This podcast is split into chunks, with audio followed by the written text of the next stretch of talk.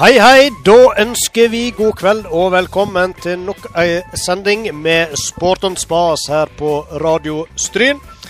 Onsdag 22. mai, klokka har passert halv ni, og vi er direkte inne og med meg i studio som vanlig. Frank Hoel og Thomas Taule, velkommen. Takk for det. Takk. Og Det er jo en spesiell sending, en liten milepæl i Sport on Spas-historia. Den tiende sendinga. Ikke verst. Tosifra nå. Ja. Det er oppe i tosifra, ja. Det er jo et uh, sterkt tall i sportssammenheng òg. Iallfall uh, fotball er det jo mange som higer etter uh, trøye med tiertallet. Stemmer ikke? ja. Vi snakket jo om det at vi måtte dedikere den sendinga her til uh, den gode, gamle Diego Armando Maradona. Den støtter jeg veldig. Jeg så eh, med stor begeistring at det er en eh, dokumentarfilm på gang. Og den eh, gleder jeg meg til kommer ut uh, nå i sommer, tror jeg det var. Om han? Om Diego Maradona. Oi. Og da tar de særlig for seg tida i Napoli. Oi, ja. Jeg kjøpte jo meg Napoli-drakt i den perioden han var der. Ai, ai, ai. Så han uh, var min store helt da, ved siden av uh, favorittlaget Liverpool. Ja. Så gikk det dessverre litt ad unders eh, når han kom til Italia. Det var da det gale skjedde, etter det jeg har forstått. Så det, det er vel en film som tar for seg både oppturer og nedturer. Det må bli en lang film. Jeg husker et klipp med han det, ifra, det var vel fra Argentina. Det var noen pressefotografer som hang litt for mye på gjerdet rundt huset hans der, og han begynte å skyte på dem med luftgevær. Det er vel Ja, ikke ja. det lureste han har gjort. Kanskje ikke. Vi hadde vel reagert, vi òg i sportsredaksjonen i Fjordingen, hvis vi fikk eh, hagleskudd etter oss, Thomas. Ja, det spørs. Men det kommer til å skje. Nå er vi eh, iallfall eh, godt i gang, og eh, to uker siden sist. Og mai det er jo en måned der det bruker å skje mye. Det er innholdsrikt med både nasjonaldag, det er gjerne konfirmasjoner og Grand Prix-tider. Og jeg regner med det har vært litt av ingrediensene til dere òg disse siste ukene. Ja da. Vi kan jo begynne 16. mai. Da eh, Høsten kom jo tidlig til Stryn stadion eh, i år. Jo, det, det ble uh, mye rødt og gult eh, der. Eh, den kampen skal vi vel komme inn på litt eh, etterpå her, men eh, det var ikke noe gledens dag på Stryn stadion. Det var det ikke. Men sett bort ifra en strålende nasjonaldag, så eh, har jeg fått med meg at det var litt kortbonanza oppe på uh, Tonning skole, eh, Det var Frank. mye høstfarger der òg. Ja, jeg var jo en snartur innom. Jeg hadde jo vakt i avisa 17. mai og hadde glede av å få med meg iallfall et kvarter av denne tradisjonsrike fotballkampen mellom sjuendeklassingene og foreldre. Og der er jo du en forelder i år, Frank. Og Ja. Fikk smertelig erfare eh, dommer Pedersen sin ganske nulltoleranse eh, mot eh, stygt spill, og, og grensa la han vel ganske sånn Terskelen var vel ganske låg, eh, må vi vel Ja. kunne si. Han, da, da mødrene spilte mot uh, deres døtre først, da, så mm. lå, eh, lå lista litt høyere. Det var ikke så mange kort. Nei, det var ikke så mange kort da, men så eh, tok det løst. Det Eh, var rett oppfatta at før kampen deres starta, så eh, han, han begynte på en måte kampen med å dele ut et rødt kort til damekampen, som nettopp var avslutta. Jeg syns det skjedde et eller annet på banen der. Ei som måtte tilbake på stadion og fikk da et kort. ja, det, det kan stemme. Jeg, eh, jeg hadde litt ansvaret for akkurat den kampen, så jeg, jeg skulle jo da hive ballen bort til han Magne Birger. Mm. eh, da kampen med mødre og døtre skulle starte. Eh, det kastet av ballen bort til han da, det mente han tydeligvis var for dårlig, så da fikk jeg mitt første røde kort. Oh, ja, det, det begynte aldri der. Ja. Det, var, det var drama på høyt nivå, men ellers en underholdende kamp. Og Veldig, bra innsats, selv om uhøytidelig kamp. Men det virka som dere trakka til litt. Ja da, og, eh, og våre, våre unger der hadde jo selvfølgelig veldig lyst til å slå oss, noe de selvfølgelig ikke klarte. Eh, men et annet poeng med han eh, Magne Birger som dommer, da, som det er jo blitt en, en tradisjon at han dømmer den kampen der. Han eh, innførte eh, videodømming på grusbanen på Yes. Tonning skole. Det fikk jeg ikke med meg. Nei, så det var var- var, vartegn? Det var og så eh, imiterte han at han så på en TV-skjerm og noe greier, og gikk jo ut igjen på banen og dømte ut ifra det han hadde sett der. Riktig. Fantastisk. Meget, meget eh, bra. Kjekt. Han er med i utviklinga òg, og på en måte legger, legger løpet deretter. Ja da. Han eh, er helt suveren. Morsomt. Thomas, har det blitt noe fotball på deg? eh, Om ikke spill, så framfor skjerm. Du går vel bare og venter venter på 1. eh, juni? du, Ja, nå venter vi på Champions League, både jeg og Frank. Det er jo ikke noe tvil om det. Men nå er jo Premier League-sesongen slutt, så nå kan vi nå begynne å konsentrere oss om litt eh, lokalfotball etter kort. Ja da. Og eh, ja. Jeg føler når Premier League er slutt, da er det litt mer fri, på en måte. A april, den var, den Det var er tøffe hard. tak for dere, skjønner jeg. Men nå må vi for all del ikke eh, glemme Grand Prix. Nei. Ja. Eh, Der bruker jo eh, du, Frank, og familie og venner ellers og legge, legge det opp til en Gjøre litt fest ut av dette her. Ja, da, Vi er en gjeng som bruker å ha en Grand Prix-fest der vi har da en konkurranse med, selvfølgelig. Og de som vinner da den vandrepokalen, det er da neste års arrangører. Ja. Så jeg får vel da sende litt bittert, men jeg får sende en eh, gratulasjon til Ingvild og eh, Olav Atle Øvreberg, som eh, stakk av med pokalen i år. Gratulerer. Var det dere som var arrangør i år? Nei, i fjor? det, det var, vi har vunnet den én gang. Um, han, eh, per Ole Tenden er jo på mange måter Grand Prix-generalen i Stryn, vil jeg si. Ja. Han eh, følger med på oddsen og alt mulig sånt, og er veldig godt forberedt til sendingene begynner. Men eh, sjøl ikke han klarte å dra den i land. da. Nei. Tenker du at uh, stemninga den gikk i taket når eh, Madonna kom på scenen med sitt forrykende sceneshow, og reint var det vel òg? Det kan vel diskuteres hvor rent det var. Ja, men, Men, du, Roy eh, Aron, så nå på YouTube i dag, og der var det klokkeklart. Ja, det var fantastisk, for jeg har jo eh, vært litt opptatt i det siste med en viss eh, husflytting og sånt, så jeg har ikke fått med meg så veldig mye. Men jeg, jeg registrerte eh, i en eller annen nettavis at eh, Madonna hadde tydeligvis eh, Ja, det var vel skandale som var brukt som ord, tror jeg, eh, sin opptreden. Så jeg skulle jo sjekke ut dette klippet i dag, men det kom jo aldri til sure toner eller noe som helst. Men så står det òg på andre nettaviser at det er visst eh, Sannsynligvis litt triksing fra hennes side før det ble lagt ut. Ja. Ja. Sikkert vel anvendte ti millioner fra arrangøren, dette der. Nå var det jo mange som var eh, veldig skuffa over Norge sin poengsanking inntil disse her publikumsstemmene kom. Da, eh, da spratt jo Norge kraftig opp på resultatlistene, og forbi Sverige. Eh, siste nytt der, og det er ferske nyheter, eh, at eh, organisasjon, eller Grand Prix-juryen, eller hva det heter, de har altså da eh, endra poenga liten grann. De har vel justert stemmen eller et eller annet sånt. Noe som har gjort da at Sverige kryper forbi Norge på resultatlista. Det er dramatisk. Det er kjempedramatisk. Spørs om du må sende inn en protest fra juryen i Stryn, Frank, på Ja, vegne av jeg- eh, Det tror jeg Per Ola antageligvis allerede har gjort. det. Allerede har gjort. Det var nok eh, preik om oss. Vi har ei eh, flott sending i vente. Iallfall eh, med tanke på hvem vi skal få besøke i studio, så er jeg svært god tru. Hovedgjesten i dag, Oldens gladgutt, vil jeg kalle han. Aldri sett han gjort annet enn å smile, tror jeg. Han André Oppheim. Driver Bunnprisbutikken der inne og er i det store og hele en Olden-patriot som er engasjert i mangt og mye. Og han har jo ei eh, litt sånn spennende fortid innen idrett. Han har kanskje ikke akkurat drevet toppidrett, men uh, han har vært innom uh, mangt og mye. Så vi skal prate med han både om idrett og litt sånn engasjementet generelt. Og så uh, får vi òg besøk i studio av en vi får kalle han en er Per Jakob Tunhold.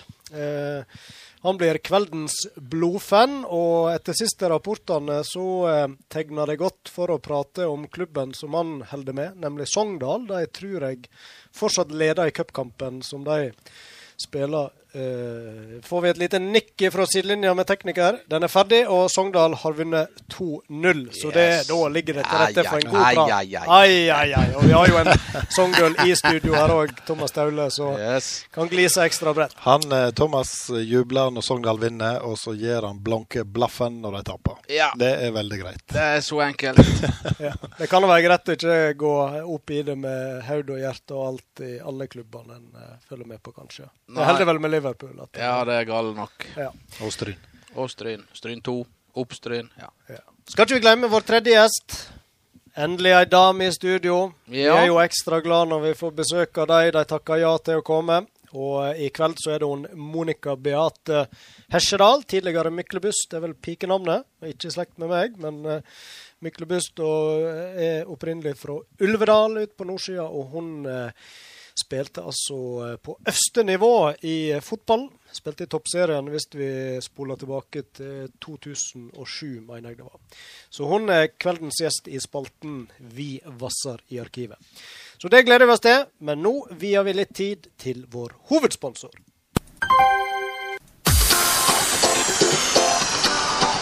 Johans pub er den stolte sponsor av lokalsportmagasinet Sport og Spas på Radio Stryn.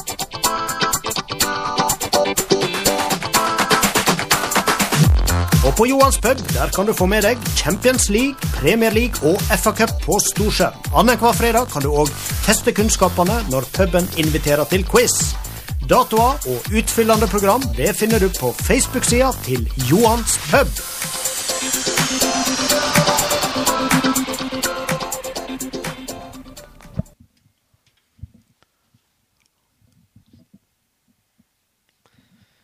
Ja, stillhet i radio, det er ikke noe som er bedre enn det. Det er jo eh, godt å kunne puste ut og slappe av litt Ja. og senke skuldrene. Jeg elsker tekniske problemer. Ja.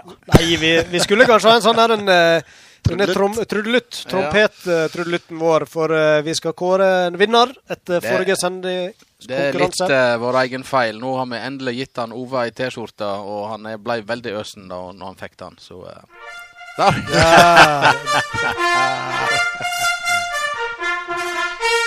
Det måtte ni sendinger til Bedre er det seint Da er det Bedre seint enn aldri, så hun sa brura. Yes. Da gir vi ordet til konkurransesjef Thomas Ja. Staule.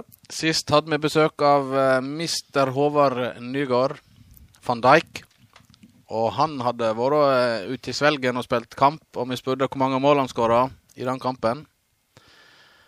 Eh, og det rette svaret er to. To mål var det, ja. To goller. Vi hadde jo to målskårere i studio da. Tarald Harstad. Han var Ja. jo faktisk eh, var ikke hat trick i samme kamp. Jo, Ja. stemmer det. Men eh, han nådde ikke opp eh, mot eh, Håvard Nygaard i spørsmålsspalten Nei. denne gang. Har vi fått noe svar, da? Vi har fått svar. Og Og da da er det vel eh, min tur å trekke, Frank. Ikke, Ja. ikke bare veit. Ja, det Og jeg skal er få det. lese opp. Jeg mener, husker jeg han Frank fikk lese opp sist òg. Vi tar fram påskeegget vårt. Ja. Der har vi en bråte med lapper. Og vær, skal jeg få lov å trekke da, Frank? Jeg ser du er litt uh, Nei, Det nei. er kvars en gang. Til det seg. sjokolade, jeg, da. Et sjokolade, du. Da kan jeg lese, hvis jeg Dette var jo rene doktorskrifta. Uh, Rasmus Gausemel. Det er en god mann. Han eh, ser ikke vekk ifra vi skal ha besøk av i studio når det lir litt uh, ut på sein uh, sommeren òg. Han uh, sendte jo inn uh, svaret sitt i går kveld, tror jeg. Ettermiddag. Ja, det, det viser bare at det her uh, kan en sende inn helt eh, inn på tampen. Egentlig før vi går på lufta, helt fram til da. Yep. Halvtime før, iallfall, så vi rekker å Kjempegreier, da. Så det var Rasmus Gausmel. Gratulerer han med ei eh, T-skjorte. Send oss gjerne ei melding om eh, storleik du ønsker, så skal du få plukke den opp på fjordingen så fort det måtte passe deg. Ellers så eh, må jeg, når jeg kommer på det, sist trakk vi jo ut han Thomas Stenslid Ja. som vinner. Vår faste lytter fra Måløy og det ganske utland. Og da kom vi vel med en aldri liten fun fact om at han var på Champions League-finalen i 2005 Og det var visst bare mellom fem. Liverpool og Milan. Det var ikke fact. Nei. Han var i, uh, på finalen to år etterpå. I Aten. Som òg var mellom Liverpool og Milan. Men så Det var ikke fact, men det var noe fun. Det var det absolutt. En liten, eh, liten ting om eh, konkurransevinner Rasmus Gausemel. Han eh, er jo flink å springe. Eh, og han skrev vel, var det på Facebook-sida vår, han skrev det at eh, han syns Sport und Spas var eh, perfekt underholdning når han var ute og jogga. Ja. Så det tar jo vi med oss. Det er ikke så ofte vi får skryt, så det- de gangene vi får det, må vi omfavne det. Det kan vi love at det blir lagt merke til. Så det Ja. Jeg har jo printa det ut og hengt over senga. Veldig bra. Rasmus Gausmel han tipper jeg kommer til å bidra litt i uh, lokalsportspalten etter hvert. Han uh, er iallfall en spreking som er med på litt uh, fjelløp, motbakkeløp og den type ting. Men uh, vi glir galant over i lokalsportrunden, vi, Thomas. Og så Ja. begynte, ja, jeg tror vi begynner med denne kampen du nevnte. Det var tidlig høst på Stryn stadion, sa du. 16. mai-kampen. Vi lytter blir ferdige med den, tror jeg, eh, nå. Ta en debrief på den. Stryn Eid 1-5. Ordet er ditt, Frank Hoel. Ja, det var, det var tungt. Ja. Jeg satt nå oppe i spikerbua der og skrev og hadde store forhåpninger om at eh, Stryn skulle vinne der. Jeg snakka litt med treneren til Eid før kampen, og han Jeg mener han sa med fare for å ta feil at Eid ikke hadde vunnet i Stryn siden Var det 92 han sa, eller et eller annet sånt. Ja. Um, men eh, det er nå historie. Kampen, den var eh, Den var eh, vanskelig for Stryn sin del helt fra starten. Første 20 var jo direkte svake av Stryn. Da var jo Eid eh, suverent best. Så kom Stryn litt mer i det utover i, i første omgang. Og siste halvdel av første var jo sånn forholdsvis jevn. Så får da Stryn to tidlige røde kort i starten av andre. 55 minutter så har de to mann mindre. Og da blir det jo håpløst å få et godt resultat. Selv om de faktisk reduserte til 1-2. Ja, de gjorde det, men eh, jeg må innrømme at jeg hadde ikke mye trua likevel, altså. Eh, Eid var god. De eh, gjorde vel bortimot en perfekt bortekamp og eh, skårte ja, Det hadde jo to langskudd i vinkelen, og det var liksom den dagen, da. Men jeg syns ikke dette rimer helt med det Stryn som vi Vi hadde jo på besøk både kaptein og trener i studio for noen uker tilbake. Og de var veldig optimistiske. Og da hadde jo de slått ut Førde i cupen, gjort god kamp. Før det slo jo de Eid i cupen. Spilte den kampen så jeg òg. Syns det var en bra kamp, iallfall andre omgang. Men i serien nå så syns jeg det jeg det lugger mye her. Det er vel en del spillere som har vært skada, og som ikke er i form ennå. Ja, det er det. Det er noen som har vært lenge ute med skade, som eh, mangler en del på toppformen. Også, men det er jo litt sånn betenkelig, syns jeg òg, at Stryn slår både Førde Eid i cupen. Og taper mot de samme lagene Samme i serien. Og slipper inn totalt ti mål mot, uh, mot Førde og Eid. da. Så det er klart at uh, en kan skylde på så mye en vil, da. Det hjelper ikke på resultatet av det. Så det er ikke noe tvil om at her har Stryn en, eh, en eh, skikkelig jobb å gjøre og en kraftig utfordring. Og så har jo eh, han som skal være toppskåreren, begynte bra i cupen igjen. da. Han, Mats Wie. Han, eh, har han hatt nettkjenning i seriekamp? Han var vel ned mot Tornado i Men nær hjelper ikke. Hjelper ikke det? Nei, nei det, har, det har jo stoppa litt for han òg, men det henger jo litt i hop med at laget rett og slett ikke har fungert i det hele tatt nå. Han har ikke så mye å jobbe med der framme. Så eh, han er jo en eh, effektiv spiss og skårer på mange av sjansene sine. Men det er klart at når han ikke har all verden å jobbe med inn i 16-meteren der, så blir det heller ikke så mye mål ut av det. Pluss at han har vært lenge Ja, skada. jeg skulle til å si det at han òg er jo en av de som, eh, som sikkert er i bedre form til høstsesongen da, enn han er akkurat nå. Men, men resultatene til Stryn må snu hvis de skal ha forhåpninger om å kjempe i toppen, som de har ambisjoner om. Ja. De, leker jo som ei sil eh, bakover, Ja. og det er jo ingen lag i kretsligaen som har sluppet inn så mange mål som Stryn. Og det er ikke keeperen vi skal skylde på. Nei, han eh, Holst han, eh, han har Han har nå redda mang en baklengsskåring. Ja, jeg mener jo at han Jakob Holst var Stryn sin beste spiller mot Eid. Og det sier jo egentlig I det meste om den kampen der. Ja. Han sto en god kamp. La Men det bli. Stryn kommer. Stryn kommer. Vi håper og tror på det. Men uh, Stryn 2, de gjorde det bedre i forrige kamp. Ja, de klinka jo til med 7-0-seier borte mot Førde 2. Ja, jeg, eh, jeg så noen ord om den eh, kampen. Jeg vet ikke så mye om den kampen egentlig, annet enn at det var et eh, enormt bra resultat. eh, Og at det hadde vært en fantastisk laginnsats. Så der Tre mål av Kroken. Ja, har du målskårerne? Det har ikke jeg. To av Johannes Gali Tenden, som jeg syns hadde et eh, positivt innhopp mot Eid 16. mai. Ja, når han viste seg litt fram der, ja. Ja. Han gjorde det. Og så han eh, Jon Marius Berger. Jon Marius Berger. Han er jo nesten like sikker som banken når det gjelder skåringer, skjønner jeg. Ja, han Og eh, ofte frampå. leverer varene, han får Stryn to. Ja. Så, eh, og der er jo målsettingen å komme på øvre halvdel i femtedivisjon. Og det er mye eh, bra unge spillere som, eh, som kommer opp nå. Ja da, der er det. Og det, mange av de du nevner her, Kroken, er jo selvfølgelig fast eh, på A-laget.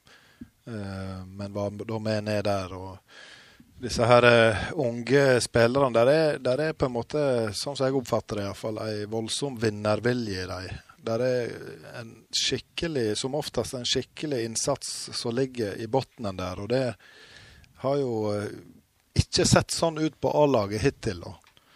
Men eh, Nei, vi får håpe det snur for A-laget. Men uh, Stryn 2, de leverer. Look to Stryn 2. får vi Og her er gjennomsnittsalderen under 20 år. Da må han være. Veldig Marius Ansen, Trym Vatn Øvreberg, Lukas Leirgulen, Sigurd Fotland Fend, Magnus Vik Skrede var backrekka. Ja. Eh, Bjørnar Lyslo ifra Innvik. Håvard Kroken, Rasmus Skåre Kjellaug, Sander Sande Tenden. Jon Marius Berger, han er vel eneste over 20 år her. Mm. Jon, Johannes Gali Tenden. Men det som er fint, og helt til slutt om uh, Stryn Nå har vi fått snakka mye om Stryn 2, og det er jo jeg veldig glad i. Men eh, at snittalderen er under 20 år syns jeg er helt perfekt når det gjelder Stryn 2. For det skal være en utviklingsarena, og det er der de unge spillerne skal eh, kunne få et tilbud. De som da eh, ikke kommer seg inn i førsteelveren til, til A-laget.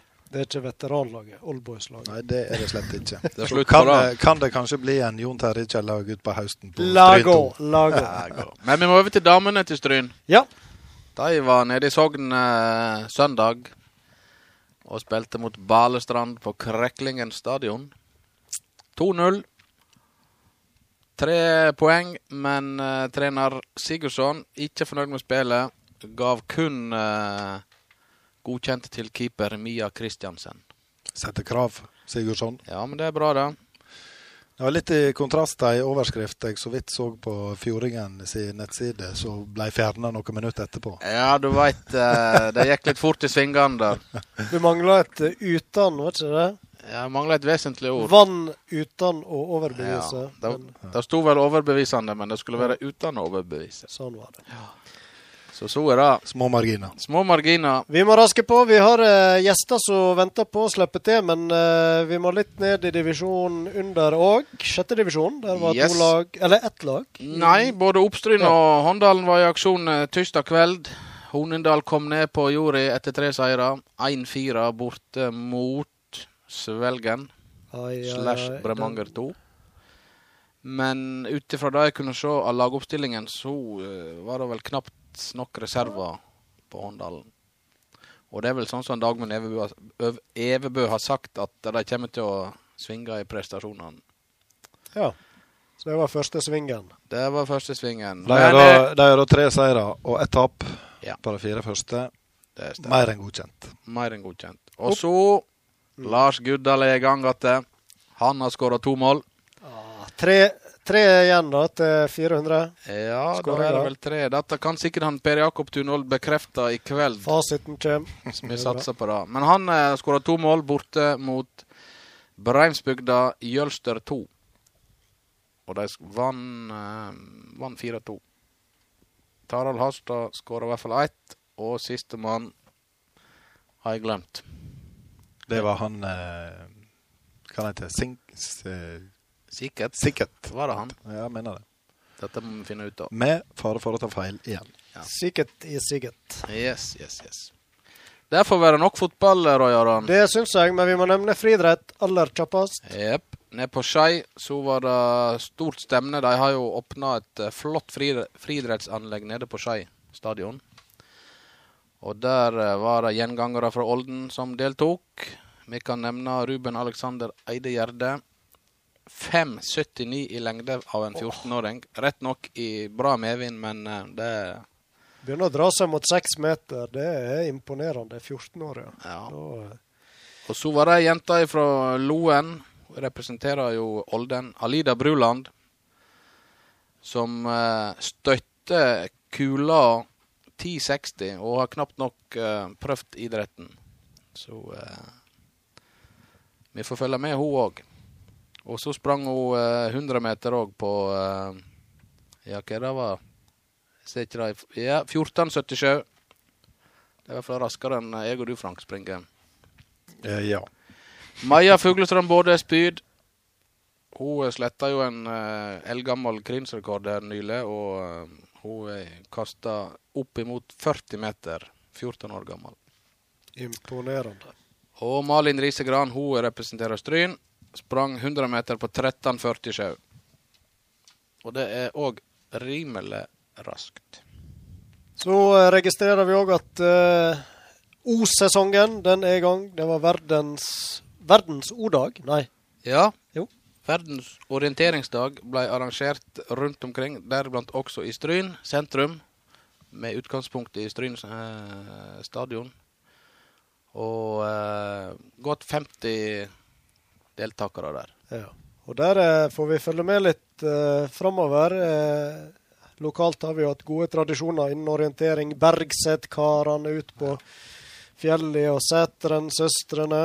Og litt eh, andre som har hevda seg eh, høyt opp på listene. Så Til slutt så kan vi jo skjenke han Jostein Flo en liten uh, hilsing.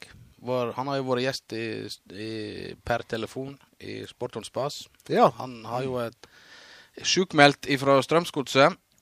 En hjerteklaff som ikke var helt eh, på lag, som det heter i fotball. Men eh, han kommer tilbake. Han er nok raskt på beina igjen. Da syns jeg vi skal spille liten grande musikk, og så eh, skal André Oppheim få lov å finne veien inn i studio. Det var Bryan Adams med 'Run to You'. Da har vi fått uh, hovedgjesten vår på besøk. André Oppheim, velkommen til deg. Tusen takk skal du ha. Kjekt å se deg. Alltid blir det, sa jeg i stad. Jeg tror jeg aldri har sett deg annet enn smile, og det er godt å Blir så glad når jeg ser deg, da, Ja, det er det. ellers er jeg møkende sur. Ja, ja. Og det er noe opp og ned med meg og du. Ja. Men eh, kjekt å få deg i studio. Jeg eh, kaller nå deg Oldens eh, gladgutt. Jeg da, og en som er engasjert i mangt og mye.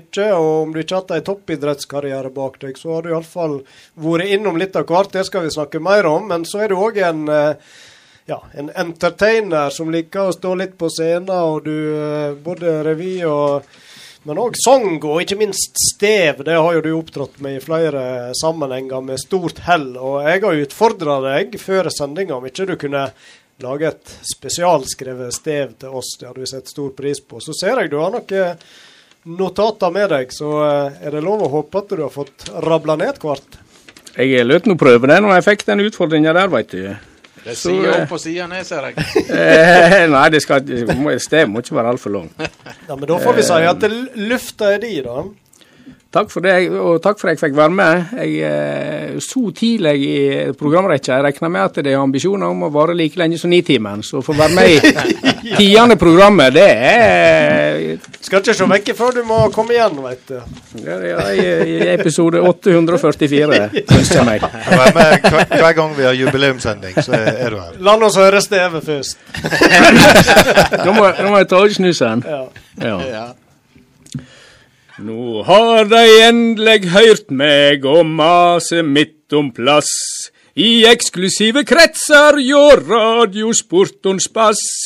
Her sit eg stram og slank blant FM-bandets kongar, Roy Thomas og han Frank. Nå skal dei truleg prate om felleski og Stryn. Sitt andre lag i fotball, det sværeste i byen. Ein spiller der er kul. Og uansett langt bedre enn ein fra Liverpool. Sann. Oh, veldig bra. Dette, dette kan du. Jeg, måtte jo, jeg, jeg har jo registrert at det er en del Liverpool-supportere i dette lokalet her, så jeg må jo prøve å roe dere ned litt. Grann. Ja, har du et uh, lag du holder med når vi er inne på det? Jeg har laget Kan du Frank gjette hvilket lag jeg holder med? Ut ifra Leeds. når jeg er født? Leeds-generasjonen. Leeds-generasjonen. There is only one United. Yes. Oh, ja. Jeg har et spørsmål til deg, Frank. Ja, Hvem som har vunnet ligaen sist? Leeds eller Liverpool? det er vel Leeds, det, da. Og ganske ledende, dette her. Lenge, dere, Men, kule utrolig lenge siden de har Er vunnet. ikke det Olden? Det er det Leeds-bygd? Nei, det vil ikke jeg si at det er ei spesiell Leeds-bygd. Det er ei god blanding i Olden. Ok. Ja. Nei, men eh, det får nå være greit at du heier på Leeds. Men det er godt av engasjement. Ja. Og det er noen som er mye hardere Leeds-supportere enn meg. Det skal jeg nå òg innrømme. Jeg er mer på pårenivået. Men nå er, ikke det, nå er ikke du her for å være kveldens blodfan. Han kommer litt seinere, så du skal få slippe å prate for mye om klubber i utlandet. Men eh, du har nå vært innom fotballen uh, iallfall mye, vet jeg, når du var i aldersbestemt junior og etter hvert litt i senioralder òg. Ja da, jeg har spilt veldig mye fotball, men eh, det begynte jo med Fjordingcupen. Det var eh, stas eh, på eh, slutten av 70-tallet, begynnelsen av 80-tallet. Da eh, hadde vi en trener, bakeren inn i Olden, Arne Brynjestad. Han var eh, meget eh, flink å holde disiplin i oss småkarene. Så vi kom i finalen i Fjordingcupen tre år på rad. Oi, hvor gammel var du da? Ja, da var jeg mellom 11 og 13 år, da. Å, det var stort, sikkert. Det var fantastisk. Det var eh, 500 tilskuere på Stryn stadion på finalene. Så det var stor interesse om aldersbestemt fotball på den tid. Og Det var et lag bestående av eh, gutter fra Olden. Ja, det var bare gutter fra Olden. Husker du hvem du spilte lag med, eller? Ja, ja. Hvem- Og ja, jeg, det var han Jørn Drageseth og eh, Egil Olsbø, Oddgeir Sandvik, Odd Sunde og eh, mange på den alderen, selvfølgelig. Ja. Kan ikke rette på hele laget. Jørn Dragseth var vel eh, Oldens Maradona, var ikke han? Det var han. Han var en tekniker av rang. Nummer sju på midtbanen. Hadde full kontroll. Fora baller fram til oss spissene. Du var, du var spiss. Jeg var spiss. Var du målfarlig? Det var 4-3-3 den gangen. To raske vinger. Oddgeir Sandvik, Egil Olsbø. Vi skårte mål så det hagla etter, veit du. Ja. Det er der Jørgen Klopp har fått eh, taktikken sin ifra. Det skal ikke hun ikke se vekk ifra. For det er omtrent beholdningen til Liverpool er jo Jørgen Klopp. Så. Au. Men han er nå veldig sympatisk, og det skal dere ha. Ja da, han er fin, han. Oh. Men veien videre, da, etter Ja, og så ble det nå eh, Hadde vi eh, Når vi var ferdig med disse her gutter og smågutter i Loen Olden, så uh, var det et år på uh, To år på Stryn junior. Eh, da kom vi til fylkesfinalen i 86, tror jeg det var. Ja. Vant 3-0 eh, hjemme. Nei, vant 5-2 hjemme og tapte 3-0 borte mot Årdalstangen. På Cuba. På Cuba stadion. Hele laget kasta fotballskoene sine ut for ferja når vi for hjem igjen. Bitter. Det var bittert tap. Ja, ja. Det er litt fint, altså. Skal bety litt å tape. Ja, det gjorde det iallfall definitivt. Vi var veldig kjepphøye når vi kom ned etter 5-2 hjemme. Ja, og etter det så spilte jeg en halv sesong på seniorlaget med Harald Aabrekk. Harald Aabrekk, ja. Hvordan Harald det var han Harald? Os som var trener for uh, juniorlaget, han var fantastisk flink trener. Miljøskaper. Faren til han Jonos. Svarnasjon. Ja. Ja, kjempeflinke. Jeg så jo et gammelt eh, bilde du hadde med fra da dere var på eh, Var det Norway Cup? Ja. Ja. Der var jo en del eh, kjente skikkelser, eh, selvfølgelig. Frode Sunde og Kristian Vik, Jon Rasmus Sæbø med flere. ja. Eh, Asbjørn Øvreberg. Så det var jo et, eh, et bra lag. Det var et bra lag. Vi kom til åttendedelsfinalen i eh, Norway Cup. Og Da tapte vi en- til gjengjeld 6-0 mot Skeid, husker jeg. Vi hadde ikke kjangs i havet. der var. og så har vi vel vært litt ut, lenge ute natta òg, tror jeg. Men du sa en halv sesong uh, på Stryn. Ja, knapt nok det òg. Det ble uh, Ja, jeg hadde så mye andre baller i lufta. Drev med uh, alpint spesielt, da. Sånn at Det måtte jeg bare slutte med hvis jeg skulle spille fotball på Stryn på det nivået. Det var da det var tredjedivisjon. Ja. At det var tredje nivå. Så andredivisjon i dag. Ja. Ja. Mm. Og det er jo bra høyt nivå, ja. ja, det var iallfall forferdelig mye trening. Men Harald Aabrekk, det var det jeg lurte på. Hvordan var det han som trener? Husker du? noe? Ja, det er umulig å glemme når Harald Aabrekk Ja. har hatt som trener. Du snakker, Men han var det? eh, men, eh, absolutt aller mest positivt. Ja. Ja da, han var eh, Jeg hadde veldig sans for Harald Aabrekk. Knallhard disiplin, og, eh, men veldig rettferdig, etter mitt syn. ja. Og så noen kraftige utblåsninger av og til, men det var som regel fortjent. ja. Men da ga du deg, og så eh, Ja, da spilte jeg liten grann på eh, eh, Olden Nei, først på Vikane, faktisk. ja. Så da var jeg i fjerde divisjon. Men uh, Jon eh, Nei, han uh, Han fysioterapeut Åh, han kommer ikke på det navnet ditt da. Ja, men iallfall så var det Han var en kjempegod trener òg. ja. Da Vikane var i fjerde, tror jeg. Riktig. Ja, Spilte ett år der, og så eh, Var det han der Osnes? Osnesen, selvfølgelig. Ja, ja, ja. Geir Osnes. Ja. Ja. Beklager, Geir, hvis du hører på. Det bare sto helt plutselig stille. Plutselig margen til meg, så husker jeg det. Ja. Takken av Frank. Endelig pluss til Frank. Ja, og så spilte jeg litt på um, Olden da jeg var ferdig i Vikane. Så Olden hadde seniorlag? Olden hadde seniorlag. Ja. Ja. Gule drakter, da? Gule drakter med blå bukse. Og da var det i 92 så sleit jeg korsbåndet i en sånn innendørsturnering inn i, og da var det slutt på fotballen. Men samme året, det er faktisk en ganske god historie, i 1992, da spilte Olden eh, den 25. august 1992 på min 25-årsdag. Jeg og Vidar Flo og to damer hadde 100-årslag i Alderheim. Og Da var veldig mange lokalt inviterte. Så Olden klarte ikke å stille med mer enn sju mann på eh, eh, På kampen mot Det var mot Tornado i Måløy. Tornado 2-3 sikkert, eller noe sånt. Og, da, og samme dagen så spilte Leeds mot Tottenham, og han eh, Erik Torstvedt debuterte. Og Leeds vant jo selvfølgelig, da. 5-1. Og det var jo knallhardt for Torstvedt, så da var det stort oppslag i VG. Leeds, eh, nei, Torstvedt slepte inn eh, fem mål mot Leeds. Og så spilte jo Olden mot Tornado, og de tapte 30-0. Men enda verre for Sveinung, sto han nede. og Det var rekord. Oi, ja. 0-30. Ja, det var på framsida av VG. Ja, det var det. Ja, det Stemmer det. jeg faktisk. 30-0, ja. Ja. Keeperen var banens beste spiller, det sier litt. Til tross for 30 baklengs. Men etter korsbåndskaden, da var det Da fant du ut det Da var det slutt. Det vil si, jeg opererte, og så eh, prøvde jeg å gjøre et lite comeback på den, men eh, da, da sleit jeg korsbånd en gang til. Så det, nå, da var det helt slutt. Men litt tilbake til Vikane. Jeg husker jo eh, Vikane og Stryn hadde jo noe knallharde nabooppgjør. Ja. Eh, det husker jeg jeg så som liten streik. strik. Og da hadde jo Vikane et eh, skikkelig godt lag. Det hadde de.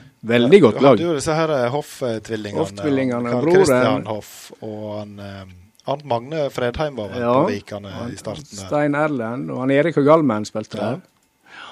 Så det var et bra lag, ja.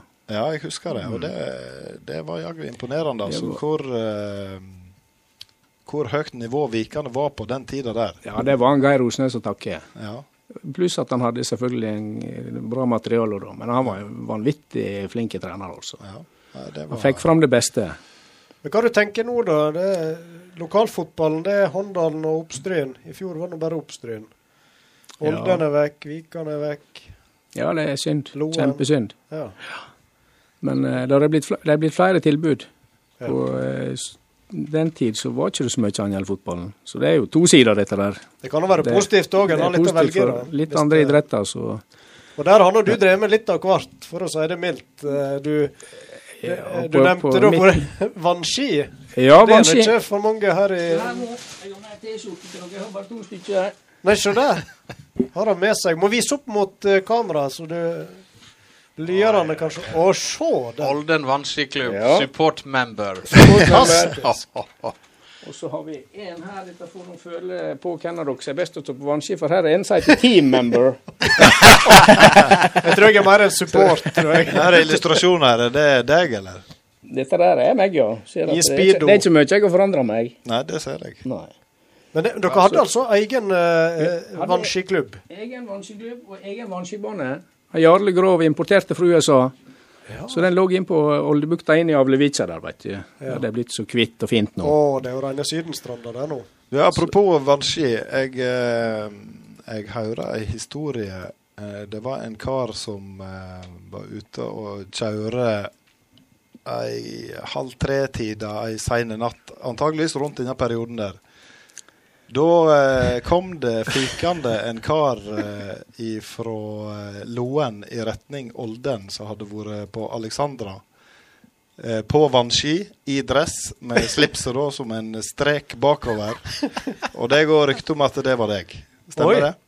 Eh, Det her har vært god research, altså. Så eh, kan, du kan Men jeg kan vel eh, bekrefte det. ja. Og, jeg, men jeg, og så skal jeg òg uten å skryte si at jeg var ikke våt opp om ankelsokkene. Oi, Så dressbuksa var like tørre.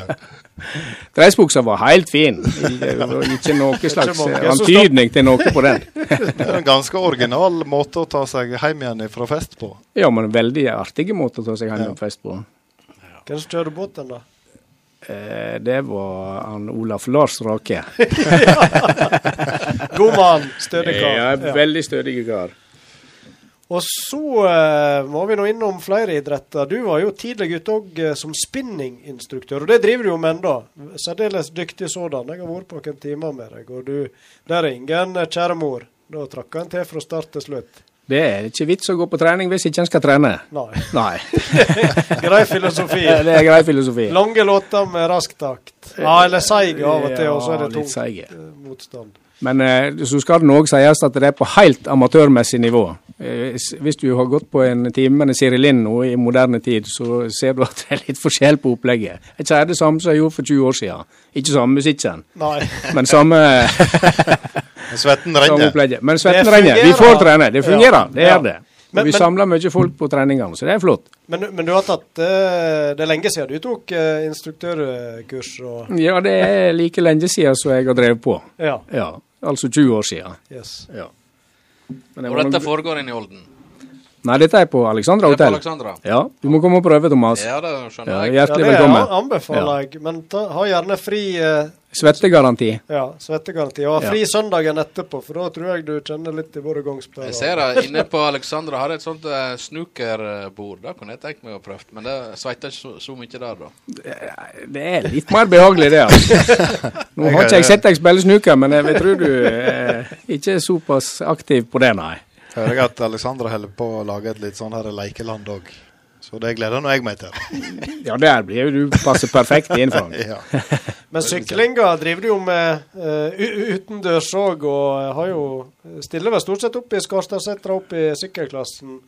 Ja, jeg har gjort det så lenge vi fikk lov å, å ha sykkelklasse, men i fjor fikk ikke vi lov pga. disse nye reglene. Nei, stemmer det. Det var litt uh, Men Skarsteinsetra i år eh, får vi lov igjen, tror jeg. Så Ja. Den går jo parallelt med jogge, joggeklassen. Ja. Så Er det er et spenningsmoment i eh, selve konkurransen. Hvem kommer først opp, syklisten eller joggeren? Det er så bratt at joggerne eh, springer nesten like fort som syklistene. Det er vel eh, i starten syklistene drar ifra, egentlig. Det Da drar syklistene ifra litt, og så tar joggerne inn på slutten. Hvor er det Kjempearrangement. Ja. Anbefaler alle å komme. Ja, jeg var der i fjor og dekte det for Fjordingen, og det var et meget godt arrangement. god stemning, og folk blir igjen opp på Setrevollen, og det er jubel og Ja, ja, ja. Jeg fikk til meg medalje. Uten å ha sprunget. Gratulerer. Ja, men uh... Det skulle bare mangle. Må komme igjen neste år. ja, Er ikke det sånn at journalisten egentlig bør være med sjøl for å på en måte kunne dekke det best mulig? Ja, det i den ideelle verden, men eh, det er ikke alltid det lar seg gjøre. Se for deg meg, eh, Frank, eh, pesende opp rattet tilbake og skal drive og notere på blokken min, du. Hadde det blitt noe? Ap apropos bakker, er det du som har vært med og vært kreativ og laga navn på disse bakkene? Det er noe ganske fantasifullt. Hvis du har ork å lese disse skiltene på vei oppover til setra, så er det forskjellig Ja, det er morsomt å lese. Jeg og Andreas Drageseth som har stått for disse der skilta der. Ja. Kan Og du det finansierer. Ja. Vi, vi får inn 60 000 kroner på disse skiltene. Oi. Så det er, det er jo det er god butikk eh, for idrettslag å ha skartsettere opp. Alle sponser sponsa hvert sitt skilt. Ja da, men nå sliter vi med å finne flere bakker, da, for at, eh, vi har så forferdelig med skilt. Må dele dem opp Øvre og nedre. Ja, ja, altså vi begynner med nedoverbakker òg nå, da. For å, Ja.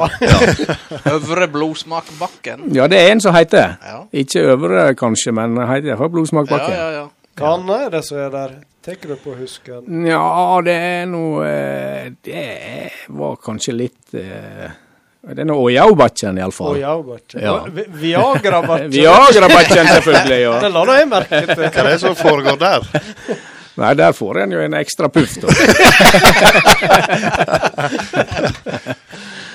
Men det er ei vanvittig, eh, for meg iallfall, og jeg tror for mange flere som ikke er klar over det, så er dette en vanvittig bra treningsform. Sykle oppoverbakka. Tenk så deilig det er. Du, du er ilt som pokker når du sykler, men når du kommer opp, så er du ferdig. Du kan trille ned igjen. Herlig. Naturopplevelse og Kan jeg skrive under på. Kjempeflott idrett. Vi skal prate mer, men vi må spille litt uh, musikk her, så vi får trekke pusten og ete litt nøtter og druer og forfriskninger. Så da sitter tekniker Ove André Årskog for litt uh, musikk på øret imens. Det var sjølveste Cuck Robin med 'Just Around the Corner'. Hvis det er lov å si på radio. Hvis det er lov å si på engelsk. eh, Cock Robin. Cock Robin.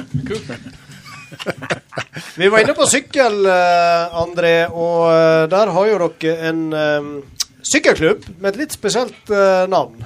Det er ikke Olden sykkelklubb eller hva er sånn tradisjonelle. Det er Åjau, eller det er kanskje ikke helt sånn du ville sagt det. Nei, du er litt Der er Ja. det veldig med nyanser Ja, i ja. Åjau. Ja. Det kan jeg forklare dere litt om nå. Ja. Så jeg vil jo si at vi har Åjau Ja. sykkelklubb. ja. Ja. For, for det, da det, det, det skal være positivt fortegn eh, med Åjau i utgangspunktet. Selv om det er bare én A, så er det for så vidt positivt. Men til flere A-er du har hatt, eh, bare er det. ja. Hvis det er sånn Åjau, da er ikke det så Nei, det er ikke så heft. Men det er fortsatt positivt. Det er fortsatt element av positivitet, men det er ikke den beste dagen, det. Men, men, men hvordan kommer fram til akkurat et sånt navn, da? Eh, Nei, det er noe eh, Det er egentlig unnfanga opp på seta. Da, da sa de 'Å ja, det går fint'.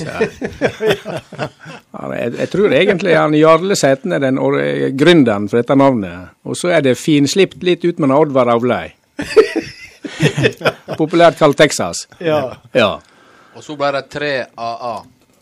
Og så ble det 3AA, ja. Det er en sånn mellomløsning. Der, da er vi i sånn fint, fint driv. ja. Det er veldig anvendelig uttrykk. For at hvis ikke du har, kommer på noe å si til noen når du møter dem, så er det bare å, Kan du starte en samtale med det? Og du kan avslutte en samtale med det. ja. Å ja! Da er du i gang.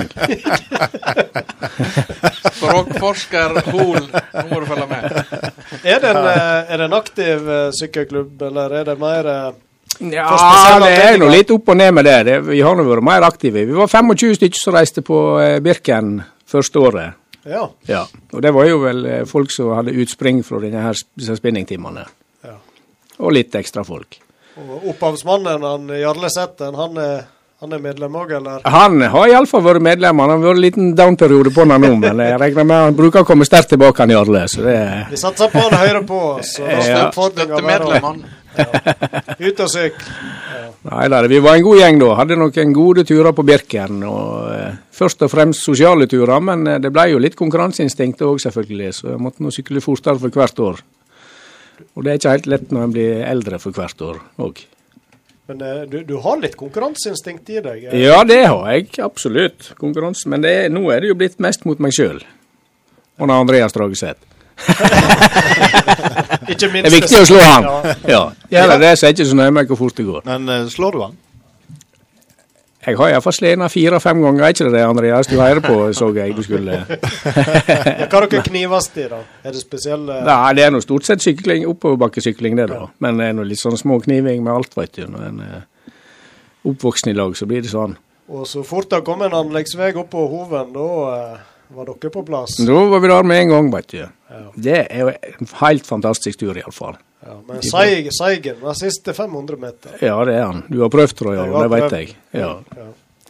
Burde jo hatt et sykkelløp opp dit. Det håper jeg, Rikard Grov, at det kommer ganske kjapt nå. Da har vi jo eh, plass til å ha bankett på toppen. og Det tror jeg ligger litt i bakhodet på dem òg, uten at jeg vet noe om det. Nå tror jeg han Rikard Grov hører på, og så tenker han å jau. Det er han. Jeg tror ikke han tenker 'å jau', han tenker 'å jau'! Der har vi nyanser. Ja. Beklager. Ja, det går, det går bra. Men du begynner å lære her. Ja. Må vi òg over og prate litt om, eh, om kastarmen din. Du har et uh, kasttalent, og kanskje morsomste resultatet det er jo verdens, uoffisiell, da, verdensrekord i marshmallows-kasting fra oldedagene for noen år tilbake. Ja, det er ikke uoffisielt. Det er Nei, offisielt. er, det, er det offisielt? Ja, det er meldt offisiell inn? verdensrekord på 37 meter. Står den i Guinness rekordbok? Eller Nei, man står nå i Olden idrettslag Ja. sine dokument. årsme årsmeldinga? Årsmeldinga. Ja, det, det holder. Det er godt Ja. Men jeg utfordrer alle, dere snakket om noe kasttalent eh, på resultatene i stad. Utfordrer dem til å møte på Oldedagene i år. Vi har hatt det hvert år. Tre år i år. Tre år i år. Ja. Ja. Det var ikke hvert år, men eh, hvert år de siste åra, mente jeg. Tradisjon. fra- Det er tradisjon. Ja. Og der, eh, hvor langt var det du kasta? For du, du tenker jo denne lille, lette godterisaken. Det skal nok ikke være langt eh, mulig å kaste det. Tenkte jeg iallfall. Og så så jeg deg i aksjon. Det er en viss luftmotstand i den der eh, Ja. marshmallowsen. Hvor langt gikk han? 37 meter, det er verdensrekord. Er Han Kåre Skarstein kasta 35,80 i fjor, så jeg er noen som puster meg i nakken her. Er det, gjør du, pakker du han på en måte sånn snøball før du hiver han, eller er det noe Veldig mange som er mistenksomme på Stein. stein i og ja. god vestavind og alt mulig. Men eh, Reinskjær teknikk. reinkjær kraft, altså. Eks eksplosivt. Ja. Men, men du er god å kaste, det er ikke tull. For eh, du har òg gode resultat i, i liten ball når du var yngre, og eh, spyd har du prøvd? Jeg sto ned i fjæra og kasta småstein hele oppveksten, så jeg eh, har, en god kastarm, ja. 92 meter med liten ball. Å, du deise meg. Det er langt. 58 meter med spyd. Gamle typen.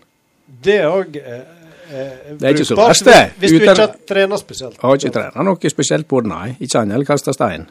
Jeg mener han eh, Mathias eh, Melheim, som da tross alt har noe litt medaljer i øvelsen med gamle speed, var ikke 82 meter. Og han trente nå rimelig eh, seriøst en del år. Så hvis du var framme Mathias Lilleheim du tenker på? Lilleheim, beklager. Ja. Lilleheim. Det kan godt Ja, hende han hadde det, ja. Ja, jeg tror det var ja, han er, 82 eller der ja, han var suveren. Ja, det, 92 meter. Hjelp meg. Eh, det var liten ball. Det var ikke spyd. Nei, nei, ja. Nei jeg, jeg ble så opphengt i den. Ja. Men det er langt, ja. Så.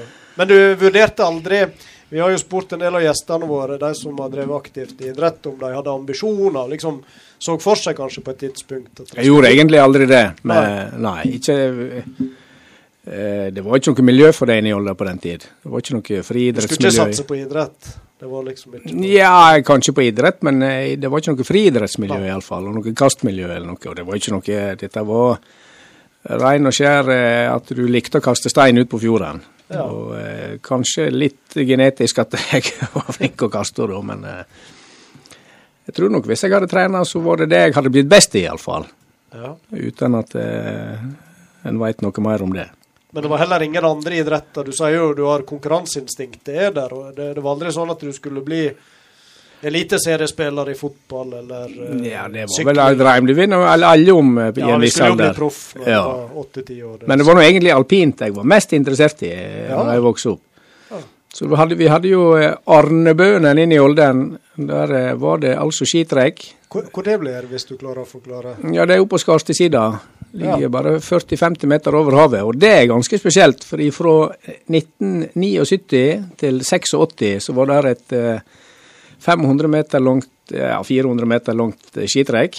Og det var snøv og flotte forhold alle de åra. Og etter 1986 så har ikke det vært kjangs å stå på ski. Det var helt bom stopp da. Så lavt nede. Altså på 40-50 meter over havet.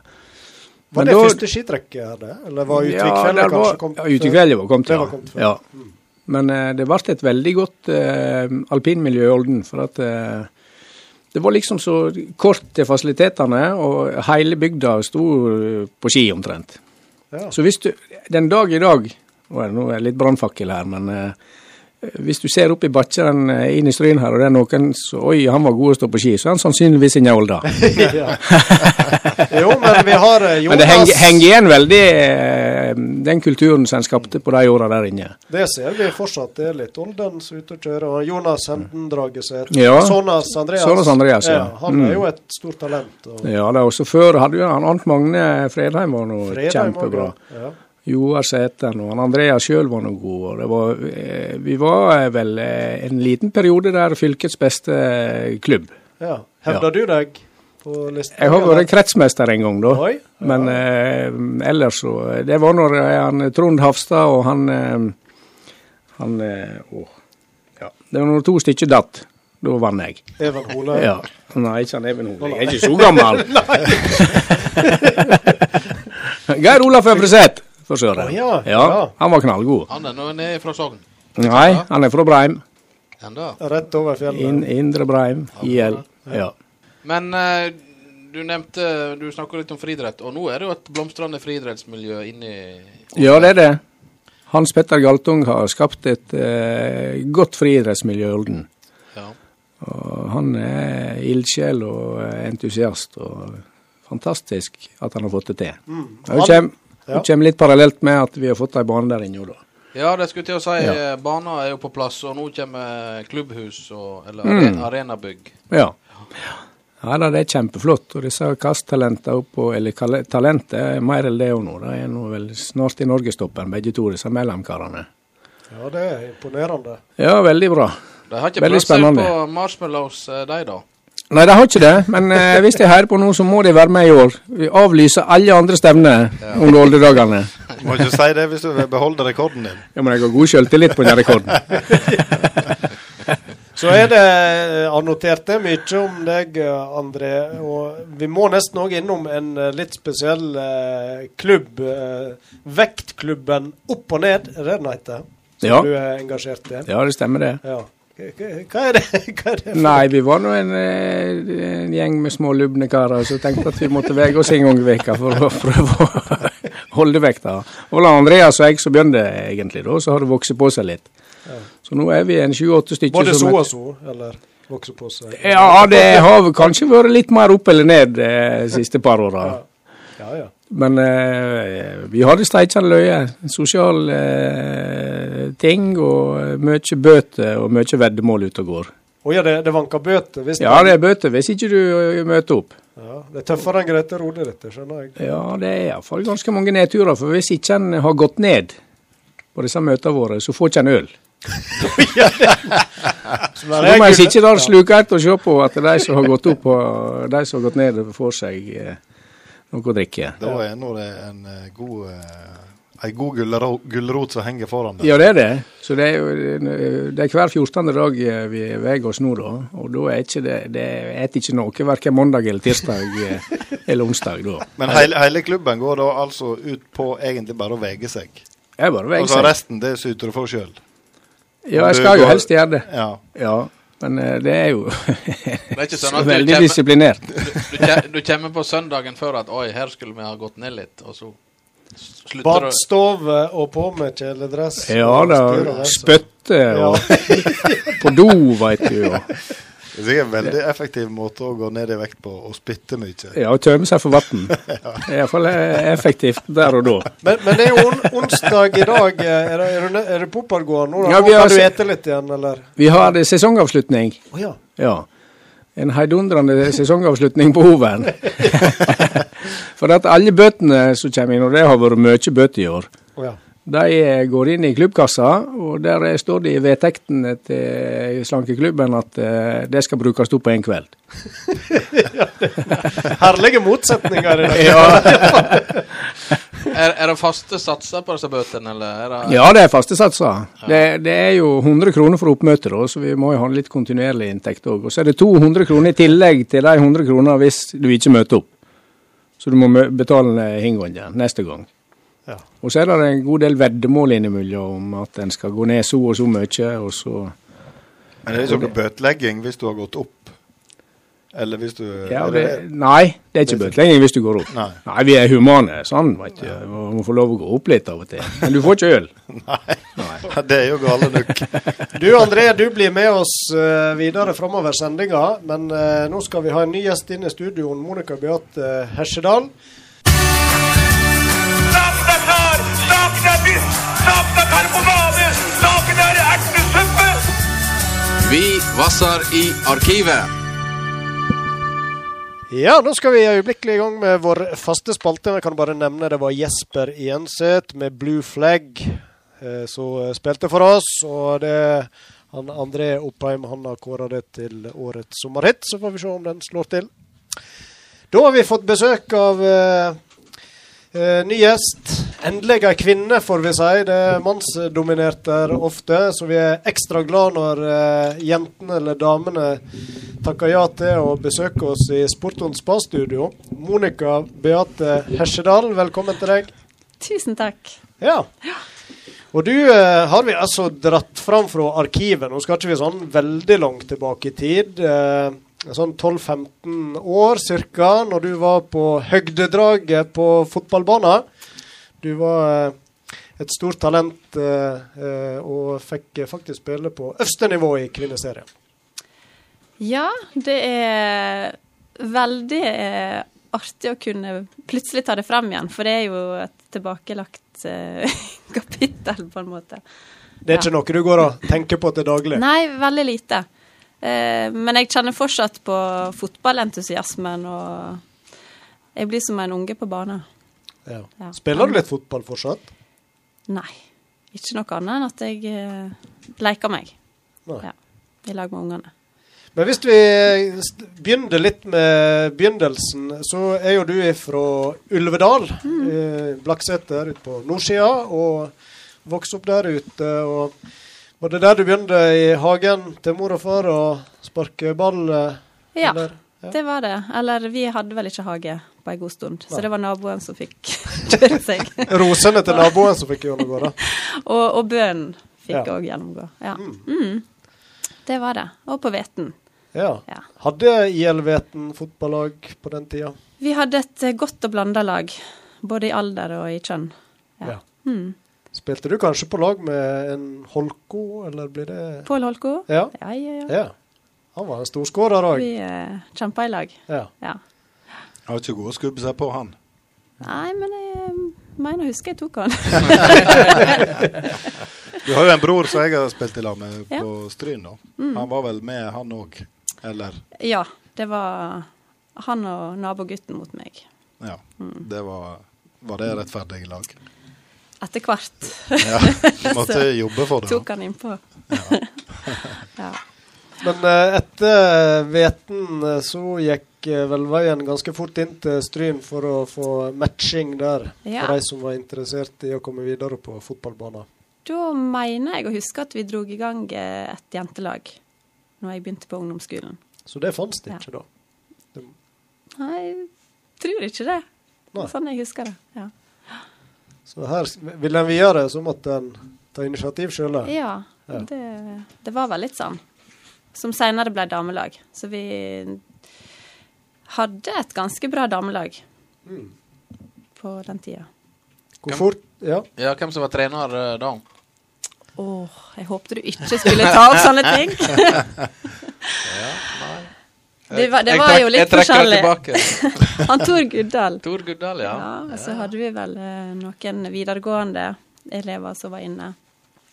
Eh, mulig han Sigurdsson var inne litt? Nei. ja, du hadde, hadde ikke far din som trener, da? Han òg har jo Det var i Veten. Det var i Veten, ja. For han òg har jo vært en eh, aktiv fotballspiller, og vi snakket om det i musikkpausen her. Han André Oppheim kjenner jo til uh, brudulja med han Oddvin Myklebust på banen. Ja, jeg husker Jeg jeg er litt usikker på om jeg spilte uh, Usikker på om jeg spilte den kampen, eller om jeg var på sidelinja. Er litt aldersforskjell på oss, tror jeg, så jeg tror jeg så på fra sidelinja. Men det jeg husker, var iallfall at uh, et forferdelig skrik og et ekstremt stygt brudd. Ja. Jeg kommer aldri til å glemme det. Så der stoppa karrieren til far din. Ja, Ja, det gjorde den. sånn er det. Men eh, han var kanskje likevel en pådriver, da? Eller iallfall uh, backa opp når du hadde lyst til å drive med fotballen? Absolutt. Det var jo mye han som eh, ja, satte i gang fotballaget hjemme og holdt det gående og tok oss med på cuper og ja, Ja. skapte et godt grunnlag. Mm. Kan du huske hvordan du oppdaga at du kanskje hadde et talent sånn litt utover det vanlige for fotball? Um, Der du tenkte ja, at dette kan jeg kanskje få til? Jeg kan huske en sånn konkret opplevelse der jeg um, sto ned på skoleplassen og triksa og sparka i veggen. Jeg husker ikke sammenhengen. Men så var det en fra Håndalen som uh, la merke til meg, og som da lurte på om jeg hadde lyst til å spille for Håndalen. Så det var en sånn wow. Oi! Første klubbskifte og ja, det var kontrakt. og- ja. jeg vet ikke om jeg skifta klubb, men jeg var i hvert fall borte og ja, spilte Var sterkt ønska. Jeg, jeg spilte litt for Håndalen. Du gjorde det Ja, òg, ja. ja. Andre, var det andre lokale klubber du var innom òg? Ja, så har jeg vært i Oppstryn. Mm. Ett år med damelaget der. Før Hva årstall er vi på da, sånn cirka? Det var vel mulig siste året på videregående. Mm. Ja. Før jeg reiste til Sogndal, da. Ellers så var jeg da på kretslag og regionsamlinger og sånt. Mm. Så jeg eh, Jeg skjønte jo at det var noe. Og jeg hadde nå en drøm langt der framme. Men det var det noe du jobba mye mot, eller bare gikk det litt av seg sjøl? Åh, jeg har en ufattelig indre motivasjon. Ja. Det er vel egentlig det som har drevet meg. Det er sånt sug etter å spille fotball. Ja. Og glad i å trene sånn Ja. generelt. Ja. Andre ting òg. Mm. Ja. Men var det mye trening uh, alene, eller? Jeg tenker sånn terping på teknikk, oh, detaljer jeg spilte utrolig mye fotball alene. mm. Det, det gjør vi på bygda. ja. Det er husveggen Eh, som får gjennom. Ja, jeg hadde en ballvegg, og, um, og jeg hadde bønnen, eh, så det var ikke noe slett gressmatte. Jeg husker jo sånn som Tor André Flo fortalte jo også om det når han uh, utvikla sin eh, gode teknikk. Så var det jo uh, blomsterbottene til Ja. mora Ja, Torlaug som fikk mange, eh, gjennomgå. eh, mange påler. Men han dribla jo seg fram inn i Jeg hadde vel et kjellerstove der eh, så de hadde som sitt eh, Wembley omtrent. Så eh, det er ikke store eh, eller mange kva- kvadratmeterne du trenger for å, for å trene, altså. Det er helt riktig. Jeg hadde med meg ball på alle turer og ferier. Og Så er det noe med nyslåtte bøer når du bor ute på bygda. Og Da er det å hive kjappe. seg ned og spille før det vokser for høyt opp igjen og blir for stivt gress. Det ja, det er en kort eh, Kort periode. Kort. Intensiv, kort intensivt. ja. Men du nevner Sogndal, ja. Og da Ja. er det vel Kaupanger jeg regner med som ble laget. Det var vel de som var Det var det ledende laget, ja. I, da jeg eh, reiste ned der og ble student. Hva divisjon snakker vi da? Da spilte de i andre, og så rykte vi opp i første. Eh, det er mulig det var den Jeg var der i tre år, så det var vel den siste sesongen. Vi rykte opp da. Men var, var det klubbskiftet da fordi at Kaupanger hadde vært på banen og ville ha deg dit? Eller var det fordi at du skulle til Sogndal og studere? Nei, eller? det var vel bare mitt e- eget initiativ. ah, ja. Ja. Så det var ikke noen som dro meg videre. Du brøyta deg vekk? Ja. Så de fikk en Var eh, diamant opp i nevene uten å ja, takk. på? Kaupangerskogen. Fine ord. ja. Hvor du spilte på banen? Var det spiss eller midtbane? Midtbane. Midtbane, ja. Mm. ja. Hva var styrken din, sånn som du tenker sjøl? Ja. ehm, det var vel teknikken, først og fremst. Og utholdenheten. Ja. Ja. Og blikket, kanskje. Ja. Ja. Du gikk ikke av veien for en ekstra omgang, du. Ja. Nei, jeg holdt det bra kreften? ut. Og sentralen mitt. Sentralen mitt, ja. Ja. Mm. Det var det. Men uh, du ga deg ikke i førstedivisjon? Nei. Da ehm, eh, Det var jo egentlig skole som avgjorde hvor jeg endte, og det var, var Trondheim. Det var der ehm, jeg tok pedagogikk. Eh, og da var det Kattem da som eh, jeg prøvde meg på. Og det var jeg som tok initiativ, Ja. hvis du lurte på det. ja, ja. Ja. Og de var Og funnet sine Første- egne klubber.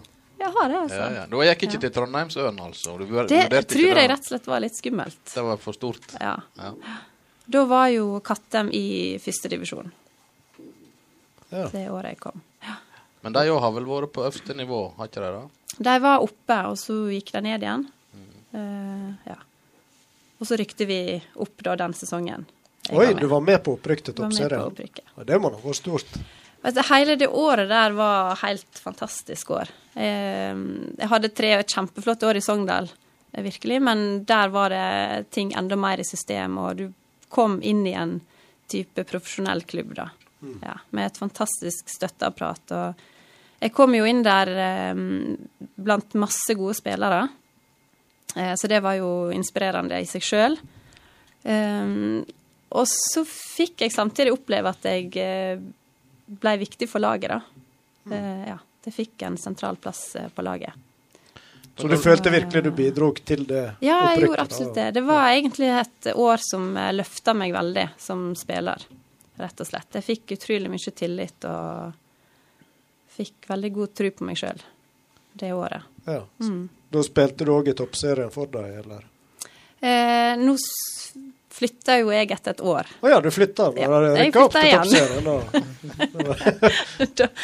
Ja, det Det er jo litt sånn rart å tenke på. Det er um, mulig jeg hadde tatt et annet valg i dag. Eller, ja. Men det var igjen skole da som gjorde at jeg flytta på meg. Ja. Jeg gikk videre på fysioterapi i Bergen. Ja. Ja. Ble det noe fotball der òg, da? Da ble det fotball. Men jeg fortsatte å spille for Kattem da mens jeg flytta ned der. Ja. Og fikk med meg da opprykket. Ja. Um, Så du ga, det, ga du deg på topp der, da? eller? Da eh, fikk, kom jeg til i Arna Bjørnar. Oi, det er nå en toppklubb. Det, de var i toppserien. Ja. Og da, der fikk jeg vel litt hjelp da med Kattem. Eh, de sørga for at jeg fikk en eh, god klubb å trene med. Ja. Men eh, da har du jo vel spilt eh, både med og mot kjente spillere, kanskje? Det har jeg. Kan du nevne noen som du kommer på? Som jeg kommer på? Ja. Ja, det kan jeg. um, jeg har jo da spilt med Elise Thorsnes. Ja, Ja. Storskårer fra Ja. Leikanger. Spilte med henne i Kaupanger òg. Ja, så da var var der utrolig kjekt å møte henne igjen i Arna Bjørnar. Mm. Og hun Maren Mjelde. Ja, hun spiller vel i Chelsea nå. Fantastisk eh, gøy å spille på lag med. Ja. Og eh, hun Ingrid Camilla Fossesætre. Ja, Hun vet jeg ikke der. hva havna. Nei, har vært på landslaget, hun Ja, òg. akkurat, ja. Og Erika Skarbø, ja. keeper. Kunne du vært i Chelsea du òg, tenker du? Åh, det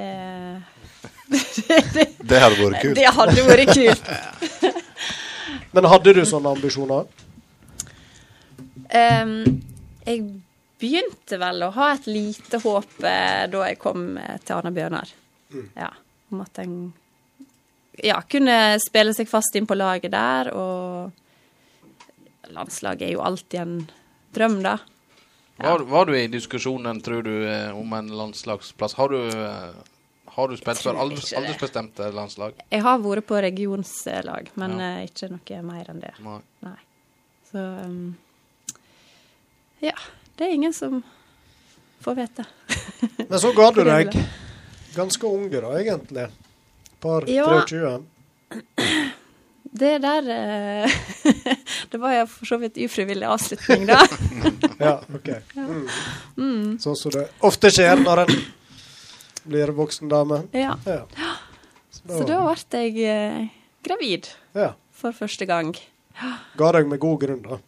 Absolutt.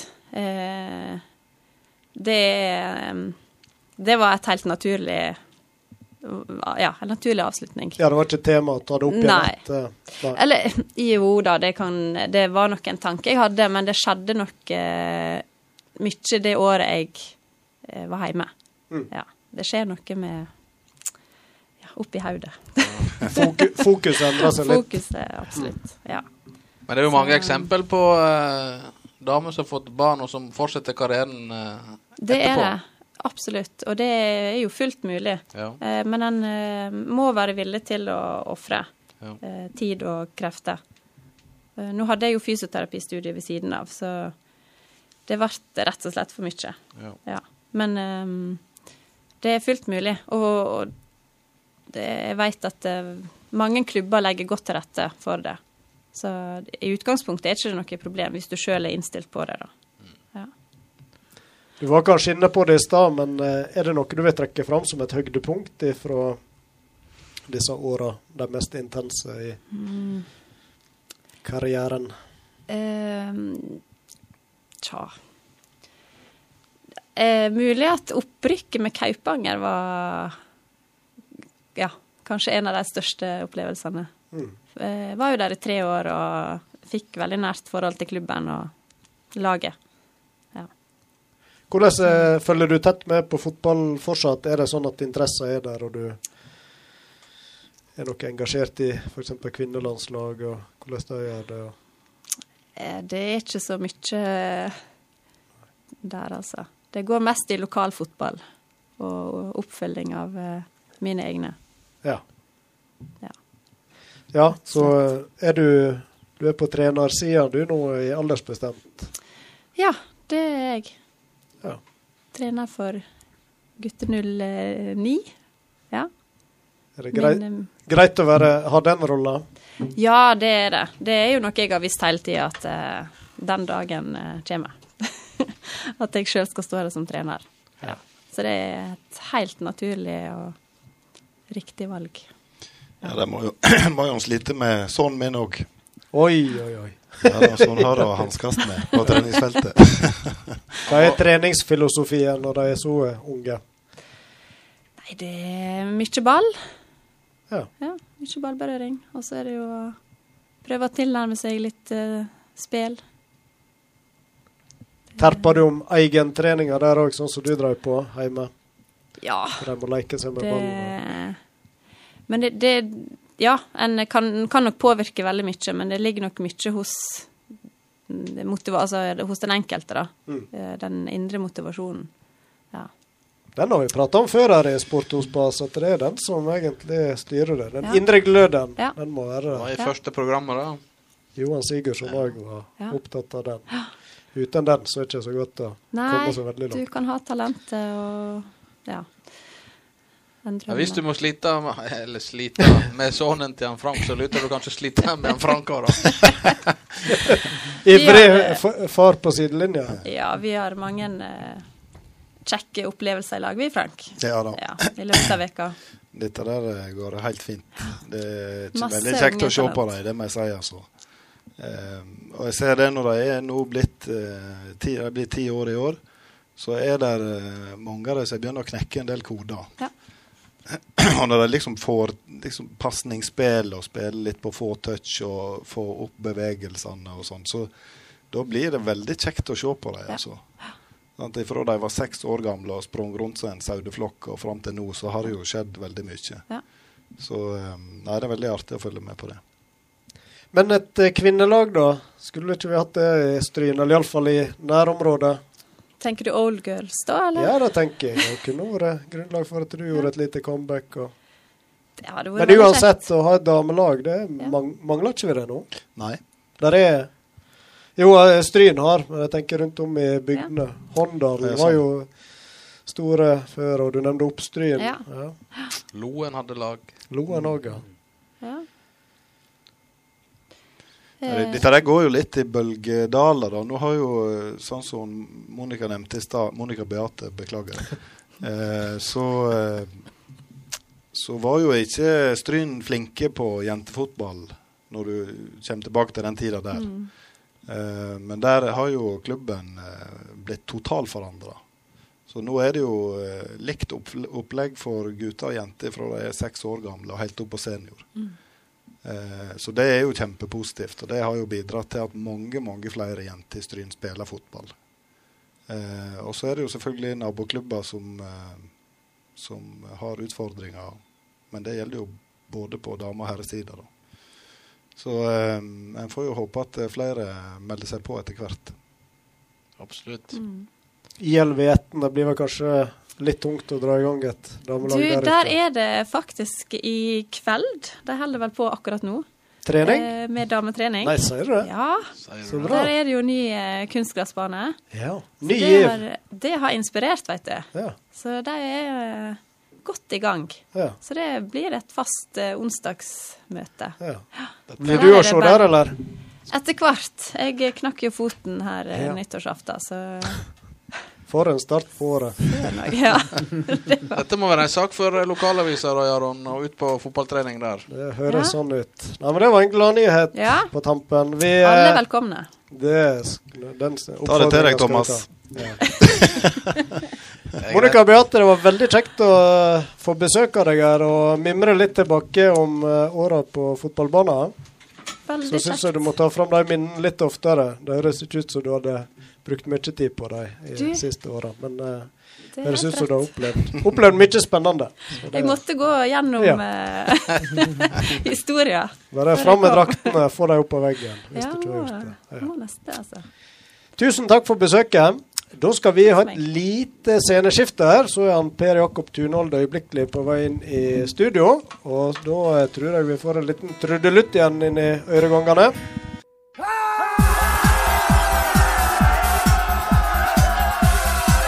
Vi presenterer kveldens blodfan.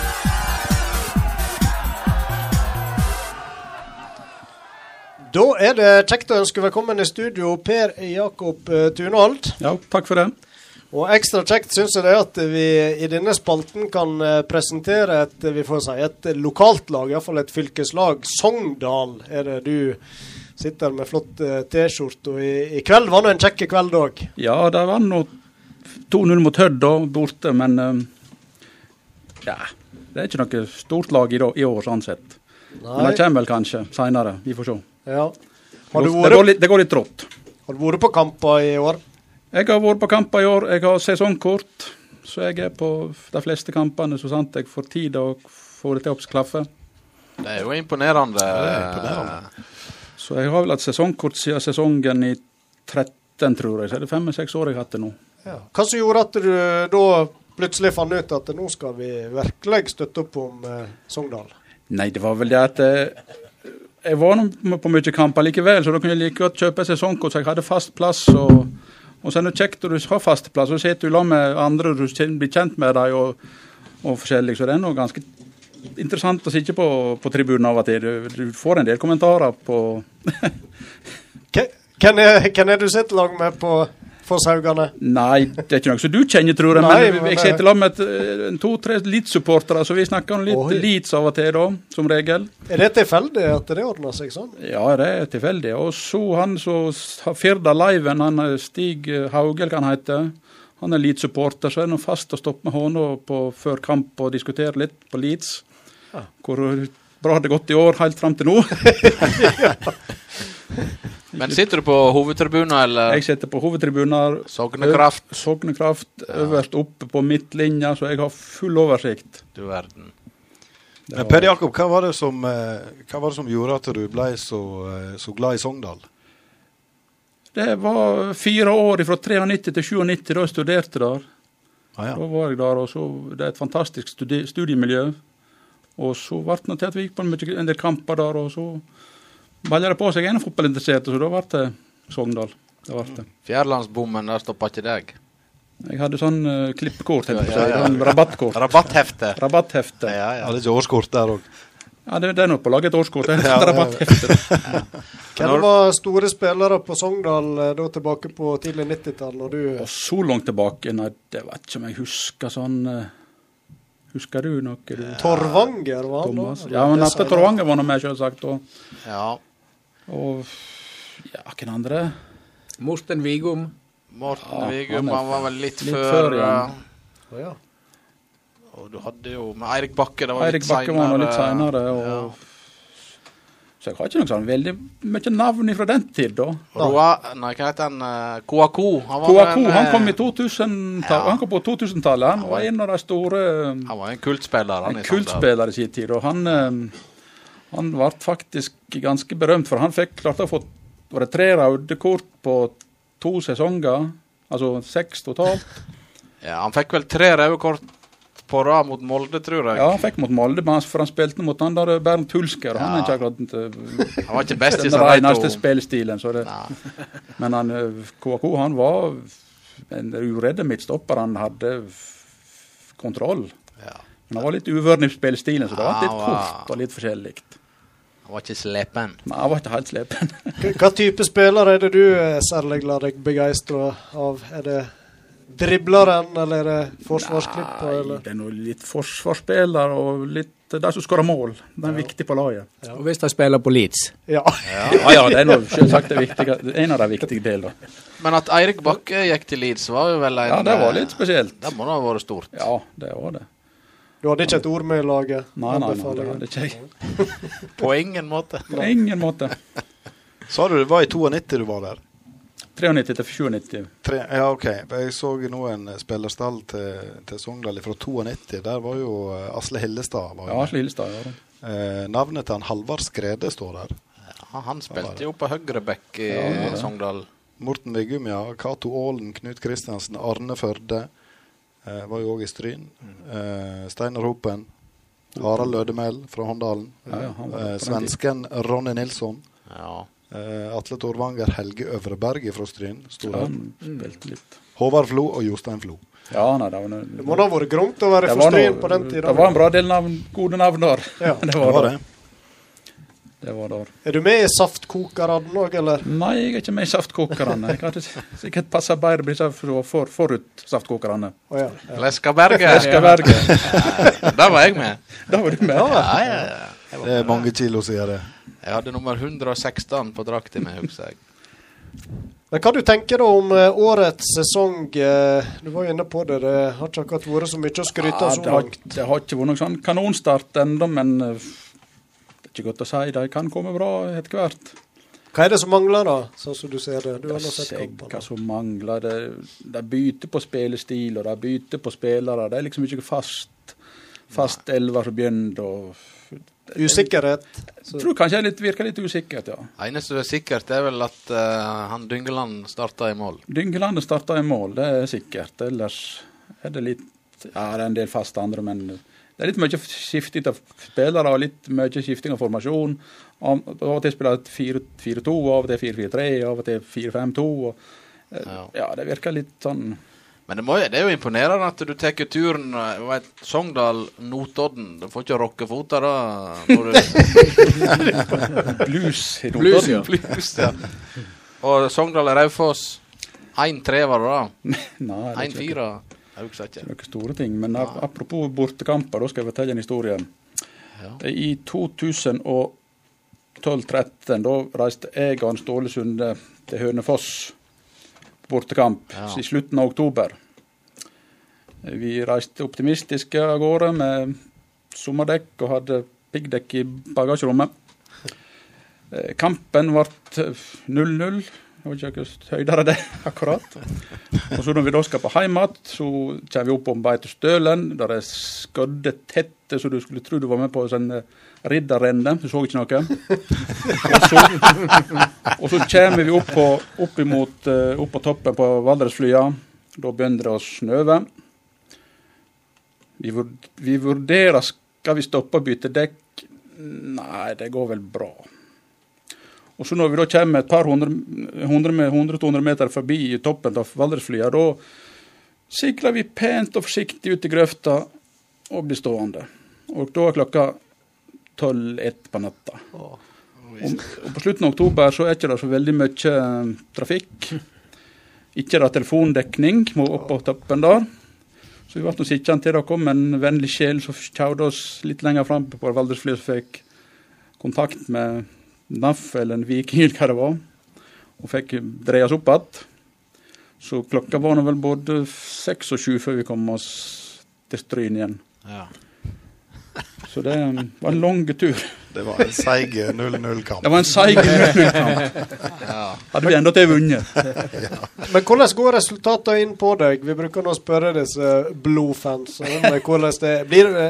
Er det sånn det går utover humøret ditt? Er det ekstra langt hjem For å, for å si det sånn, holder du med Leeds og holder du med Sogndal, så kan ikke du la tap gå inn på Nei, deg. det er helt rett. Da, da, da hadde jeg slitt. Ja. Så du er, men du er ikke likegyldig til det? Nei, ikke, ikke likegyldig, men det blir liksom ikke sånn at du blir totalt ødelagt, som visse andre supportere. Nei, du er ikke medgangssupporter når du heier på Sogndal, i hvert fall. Nei.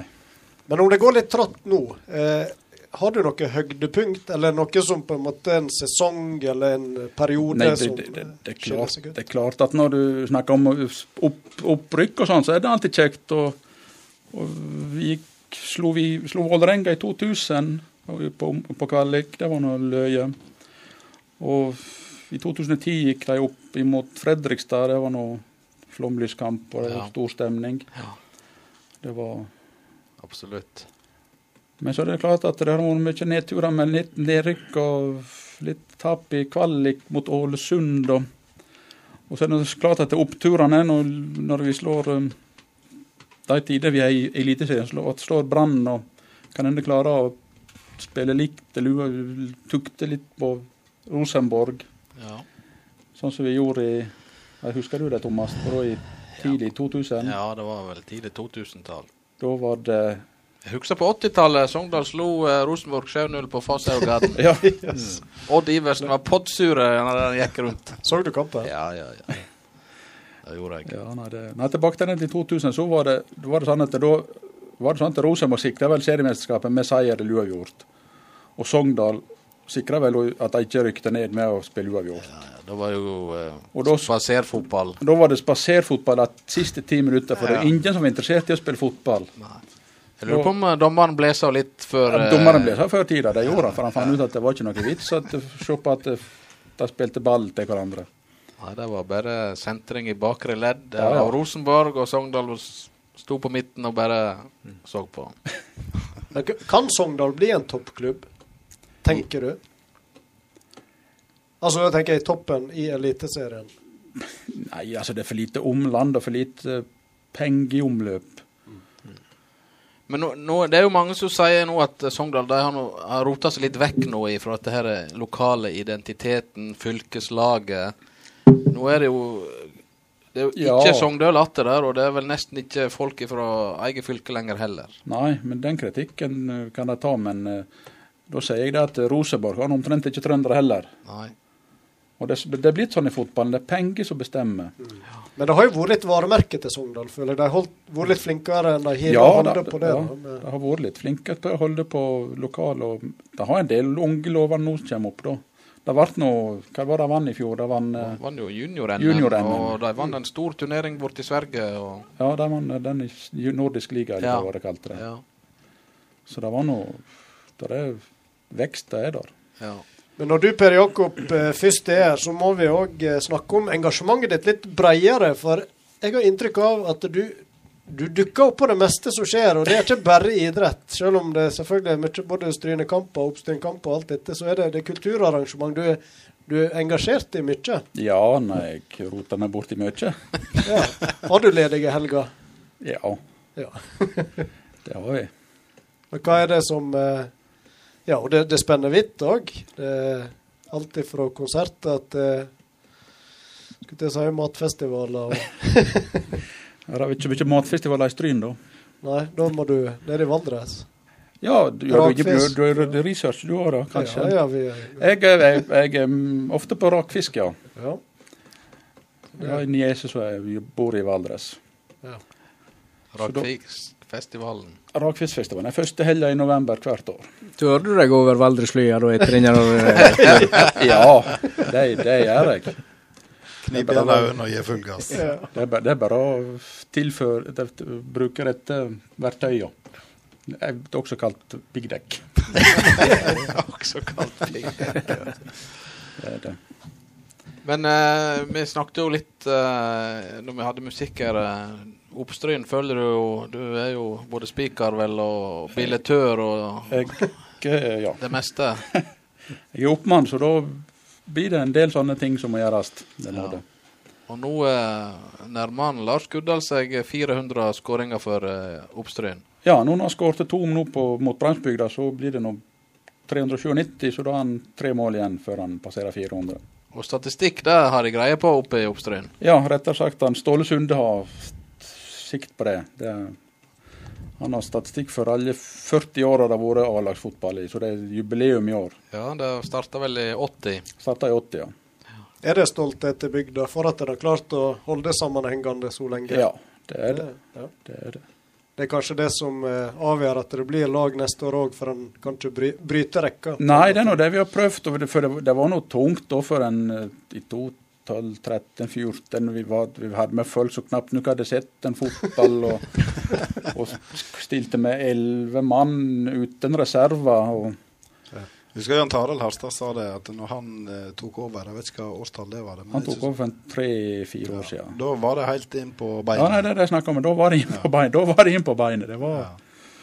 det var Men nå er jo det godt med folk. Ja, det er brukbart, men så forsvinner det litt på studier av og til, og så er det jobbsituasjon, og så er det Så det Men eh, drar du på deg drakta? Hvis det Jeg har spilt én hel kamp i hele i karrieren? hele min karriere, Ja ja. Ja. Og det var mot Brannsbygda, og da hadde vi da med oss Da var vi tolv mann, så jeg var, først, jeg var første og eneste reserve. og så klarer vi da å få utvist en mann etter ti minutter. Så du mørkt eller lyst på det? Nei, det så jeg lyst på. Så jeg satt med benken, og så fikk vi en som ble skada. Og så da måtte jeg ut på. Så da var han, jeg, jeg var nå med, jeg sprang nå litt. Og, Ja. og han Inge Guddal var med. Og, så, Yes. ja. var- Bra snittalder. Jeg, jeg var ikke eldst. Men eh, nå har du drevet på i 40 år der oppe, og hva tror du er, kan være en årsak til at Oppstryn holder det gående, men andre småklubber sliter med å, å stille lag? Nei, det er en litt sånn Roy Aron sier at det står litt ære på å, følge, å ha et lag hvert år. Men det har ikke gått uten at vi har fått med spillere fra Stryn, Elstryn og Vikan og Eid. Og, eller ikke Eid, men eh, Håndalen og forskjellige. Men jeg tror heller ikke det hadde gått hvis ikke det var folk i Oppstryn som brydde seg om det. Nei, nei. Og det er der jo tydeligvis. Ja, ja. Altså, der er jo en gjeng der oppe en- som ja. har lyst til å ha dette her i gang. Det er det. Eh, og det må jo være på en måte grunnen til at, eh, at det eh, har vært lag alle sammen. Ja, klart det. Det er motivasjonen for eh, de som spiller, at eh, de har slike karer som deg, vet du. Som som følger med på det en driver med. At de, Føler de føler de blir viktig? sett. Ja. Det er ikke jeg i tvil om. Så det, Det er jo noe med det, selvfølgelig. At det er folk rundt laget som eh, altså, De ser det at dette her faktisk betyr noe for, mm. for andre enn de sjøl òg. Men motivasjonen er nå at de skal ha, ha et lag, og de skal ha det lønna de spiller. De har ikke ambi- ambisjoner om å rykke opp. Det snakket han Tarald om sist han var her, kanskje. at vi, vi er fornøyde med å være i sjette divisjon. Det er passelig nivå. Dere takka vel nei i fjor? Vi sa nei i fjor, for da hadde vi tilbud om å rykke opp. Vi kom på andreplass etter Eid. Men Eid hadde vel sagt nei året før, så da fikk ikke de tilbudet. da. For de hadde sagt nei året før. Men Lund stadion, eh, var den bygd for 40 år siden? Er ikke det, var ikke det litt før? Det er jeg ikke helt sikker på. Da var ikke jeg begynt å være så mye oppe i oppstrøm og få fotball. Men det kan godt hende det var litt Jeg braut iallfall handa på en Fjordingen-cupkamp mot Sundskameratene. Ja. Ann-Kristin Skaar spende meg ned. Ja. Da var det blanding mellom jenter og gutter den gangen. Men da het Fjordingen-cuplaget til Oppstryn het Sundskameratene. ja, det var ikke opp, Oppstryn sin, det var Storsund sitt lag. Var det to lag da? Ja. Oppe i bygdene? Jeg, jeg spilte på Storsundkameratene. Eller Sundskameratene. Ja vel. Jeg og så hadde vi en spiss, en litt sånn ukjent navn som heter Håvard Flo. Oh, ja, han. Så vi, vi klarte oss bra en stund. Han alpinisten, det. Alpinist, ja, alpinist, ja. Det er mest kjent for alpinkarrieren. Der tok dere med hva som helst. Ja, ja. Alle skal med. Alle Men synskameratene òg spilte på Lund stadion. Ja, det gjorde vi. Det er ikke noe fotballstadion oppe på Storsund. Men de er jo flinke i Oppstryn. De driver jo og oppdaterer på Facebook. Legger ut lagoppstilling, oppdaterer Ja, nei, vi har, målskårere og vi har med han Kristian Andresen som er som oppdaterer på Facebook da, Ja. kampene. Og nå, nå når han, eh, Lars Gjørven er skada, så er han eh, assisterende trener, så han er nå med på alle kamp, bortekampene og heimekampene. Så det, det er et bra miljø. Det er det.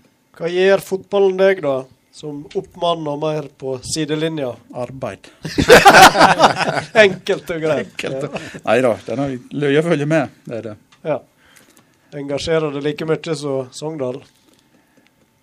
Ja, ja. Sigre og tap? Det er sånn at du la lar ikke tape og gå inn på deg, sånn sett. Men eh, og i fjor var det ganske enkelt, for da vant vi ganske mye. ja. Da vant det jo elleve på rad. Da. vant elleve på rad. Det gjorde vi. Men uh, Leeds, da. Nå ble det nesten Det er sånn som det bruker å være. Det blir, det blir nesten. Ja. Det var uh, Du satt jo Jeg var jo eh, så én kamp på puben mot Derby, og da satt du selvsagt. Ja. Og uh, det så noe bra ut da etter første kampen mot Derby. Det så veldig bra ut etter første kampen. og Det så bra ut helt til 44 minutter i, andre om, i første omgang i andre kampen. Men så begynte Derby å skåre mål. Ja. Og Leeds begynte å ikke spille ball, og da gikk det litt nedover. ja. Den så vel du òg, André? Han var på butikken, han da. Oh, ja. Takk skal du ha, Thomas. Da redder du meg inn igjen. Jeg tør jo ikke å innrømme nesten at jeg ikke så den, men jeg gjorde ikke det. Nei. Jeg, Men går jeg så den første. Nei, det går ikke inn på meg lenger no. i det hele tatt, skal jeg innrømme. Men uh, det burde gjøre det. Jeg blir jo uh, ikke godkjent som skikkelig Leeds-fan når jeg ikke, eller det, det ikke går inn på meg. Inni i Olden er det noen som ikke viser seg på noen dager når det, dette skjer. Men når begynner det med kveldsåpent på Bunnpris, da? Kampen gikk klokka ni på kvelden. Ja, men det var mye Mye etterarbeid, Mye varer den kvelden. Ja. Men eh, veldig kjekt du tok turen, eh, Per Jakob. Eh, flott med sånne eldsjeler som deg, som stiller opp for lokalklubbene og som engasjerer seg. Sogndal òg trenger de supporterne eh, de har. og Så håper vi det snur nå med en cupseier i kveld. Da kan hende det påvirker serien òg, Det- får vi tro. Kan vi tro på. Ullevål nå. Ja, ta nå opprykk i stedet. Vi krysser fingrene eh, både for Oppstryn og Sogndal. Takker Per Jakob for besøket i studio. Vi begynner å nærme oss ei avrunding, men vi har nå en eh, språkspalte vi skal gjennom òg. Men eh, jeg tror vi spiller litt Sitat, ord og uttrykk fra sportens verden som du nå får servert, enten du vil eller ei, ved Frank Hol. Du, eh, Thomas Taule, når du hører uttrykket 'å reise kjerringa', hva tenker du da? Å reise kjerringa? Nei, det vet ikke om jeg tør å begi meg ut på, du. Men du forstår hva det betyr? Eller meninga i, i uttrykket? Ja, jeg gjør det da. Da, er du, eh, da har du kanskje vært nede, og så har du gjort noe bra. Hva du tenker André, når driver du og reiser kjerringa? Eller?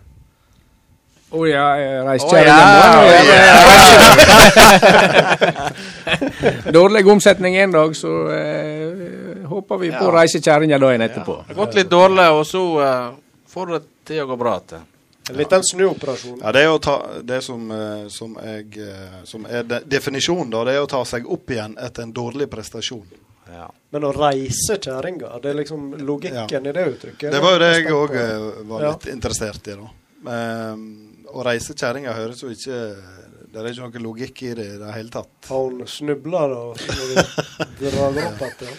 Så det, det som var litt morsomt, da, det er at um, der er, der er et uttrykk som heter 'å lage ei kjerring'. Og det er opprinnelig å dette i skibakken. Ja vel. Eh, å reise den samme kjerringa, det er å renne ned resten av bakken uten å dette. Så det er da, eh, da du har datt, har du jo da gjort en dårlig prestasjon, og så er det om å gjøre å komme seg på beina igjen, bokstavelig talt. Det er nå litt diskriminerende å kalle dette bakken for å lage ei kjerring, men eh, det får være. Det, Kommer du nå inn på felleski? Nå har ikke vi snakket om det hele sendingen. jo, det har vi. Har vi det? Ja, I stedet til han, eh, Ja, ja. han André som var med. med. Jeg fikk jeg streng beskjed om å ha med i stedet.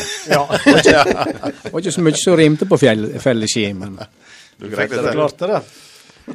um, og til deg, Roy Aran, som er opptatt av detaljer, så er dette her uttrykket omtalt og forklart i boka 'Slang og sjargong' av forfatter Ingvald Marm.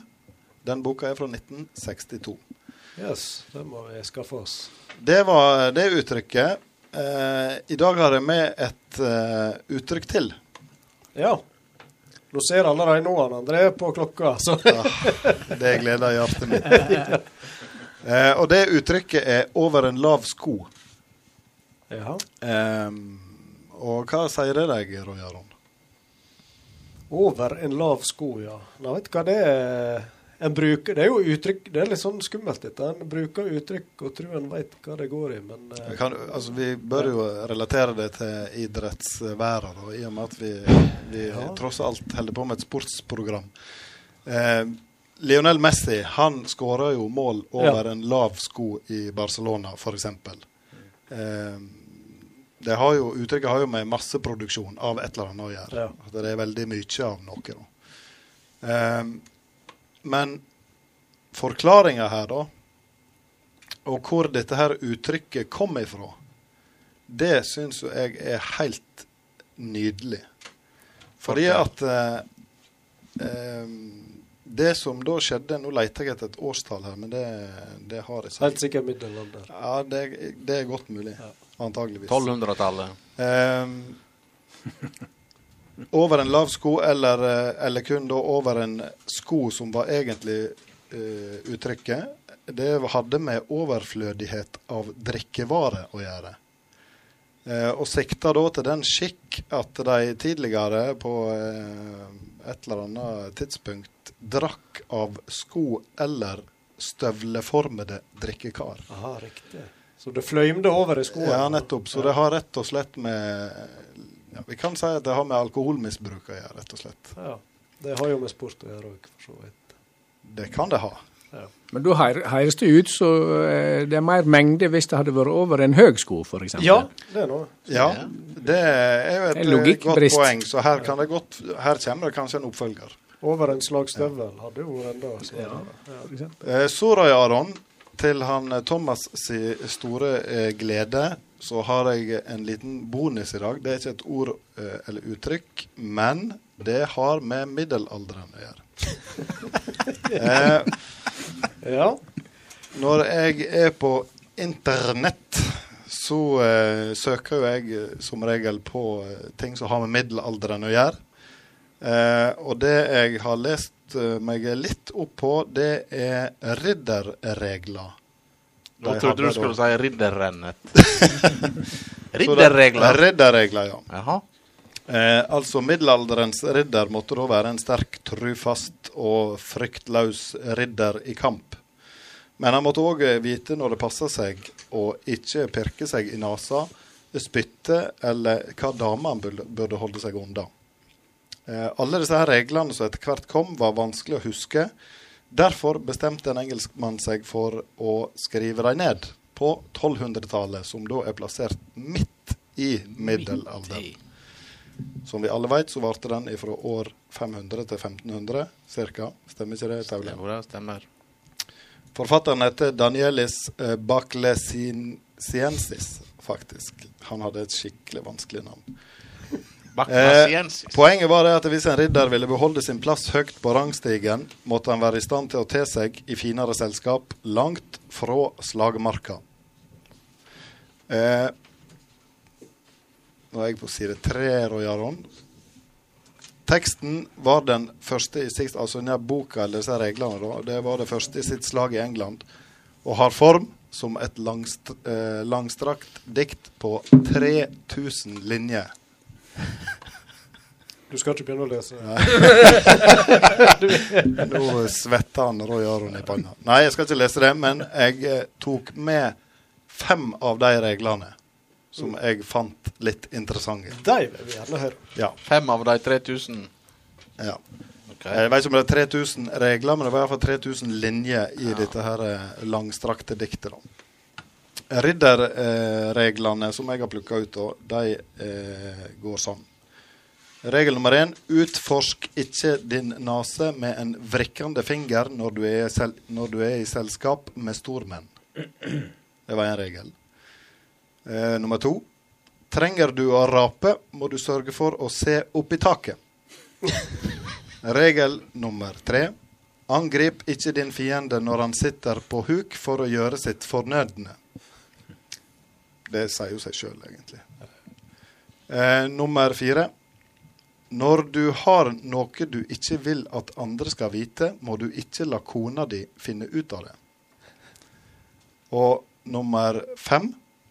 Hvis du overmannes av erotisk trang som ung, og penisen din tvinger deg til å gå til en prostituert. Oppsøk da aldri en vanlig skjøge. Tøm dine testikler raskt, og skynd deg bort. Det var regel nummer fem. Heldigvis er ikke det kveldens siste ord. Eh, Det burde det kanskje vært. ja, burde kanskje. Ja. Nei, men det var gode leveregler også i 2019. Eh, takk til lektor Hoel for opplysende sekvens der. Nå skal vi ha siste post på programmet, nemlig dagens konkurranse.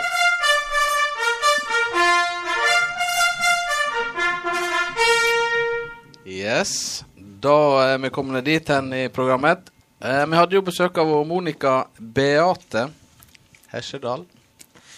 Og spørsmålet skal dreie seg om hun i kveld. Hun spilte for en klubb nede i Sogndal kommune, får jeg vel nesten si da. De grønkledde. Og da er spørsmålet hva slags klubb var det hun spilte for nede i Sogndal da hun var aktiv fotballspiller? Og Da er det bare å sende inn svar om du hører oss i opptak på podkast eller hvor det måtte være. Så er det bare å sende inn i 14 dager framover når vi gyver løs på vår siste sending før sommeren. Skal vi gjenta spørsmålet? Siste Ja, gang? Monica Beate Hesjedal spilte fotball for en klubb i Sogndal kommune. Hva slags klubb? Send inn på Messenger. Du søker oss opp på Facebook. Sport on spas, og så sender dere inn svar og er med i trekninga på den fantastiske T-skjorta. Så gjestene våre i dag selvfølgelig får med seg. Vi takker dem for å ha møtt fram. André Oppheim, Per Jakob Tunhold, Monica Beate Esjedal. Og så må vi selvfølgelig òg eh, rette takk til tekniker Ove André Årskog. Og vi som har satt i studio og hatt kjeftamentet i gang her, på min høyre side. Divok Origi. På min venstre side. Thomas Taule. Og midt blant oss med ei stødig hand. Atle Torvanger. da sier vi tusen takk for oss. Vi er tilbake med den ellevte og siste sendinga i sesong én av Sport og Spas om 14 dager. Vi høyres! Yes.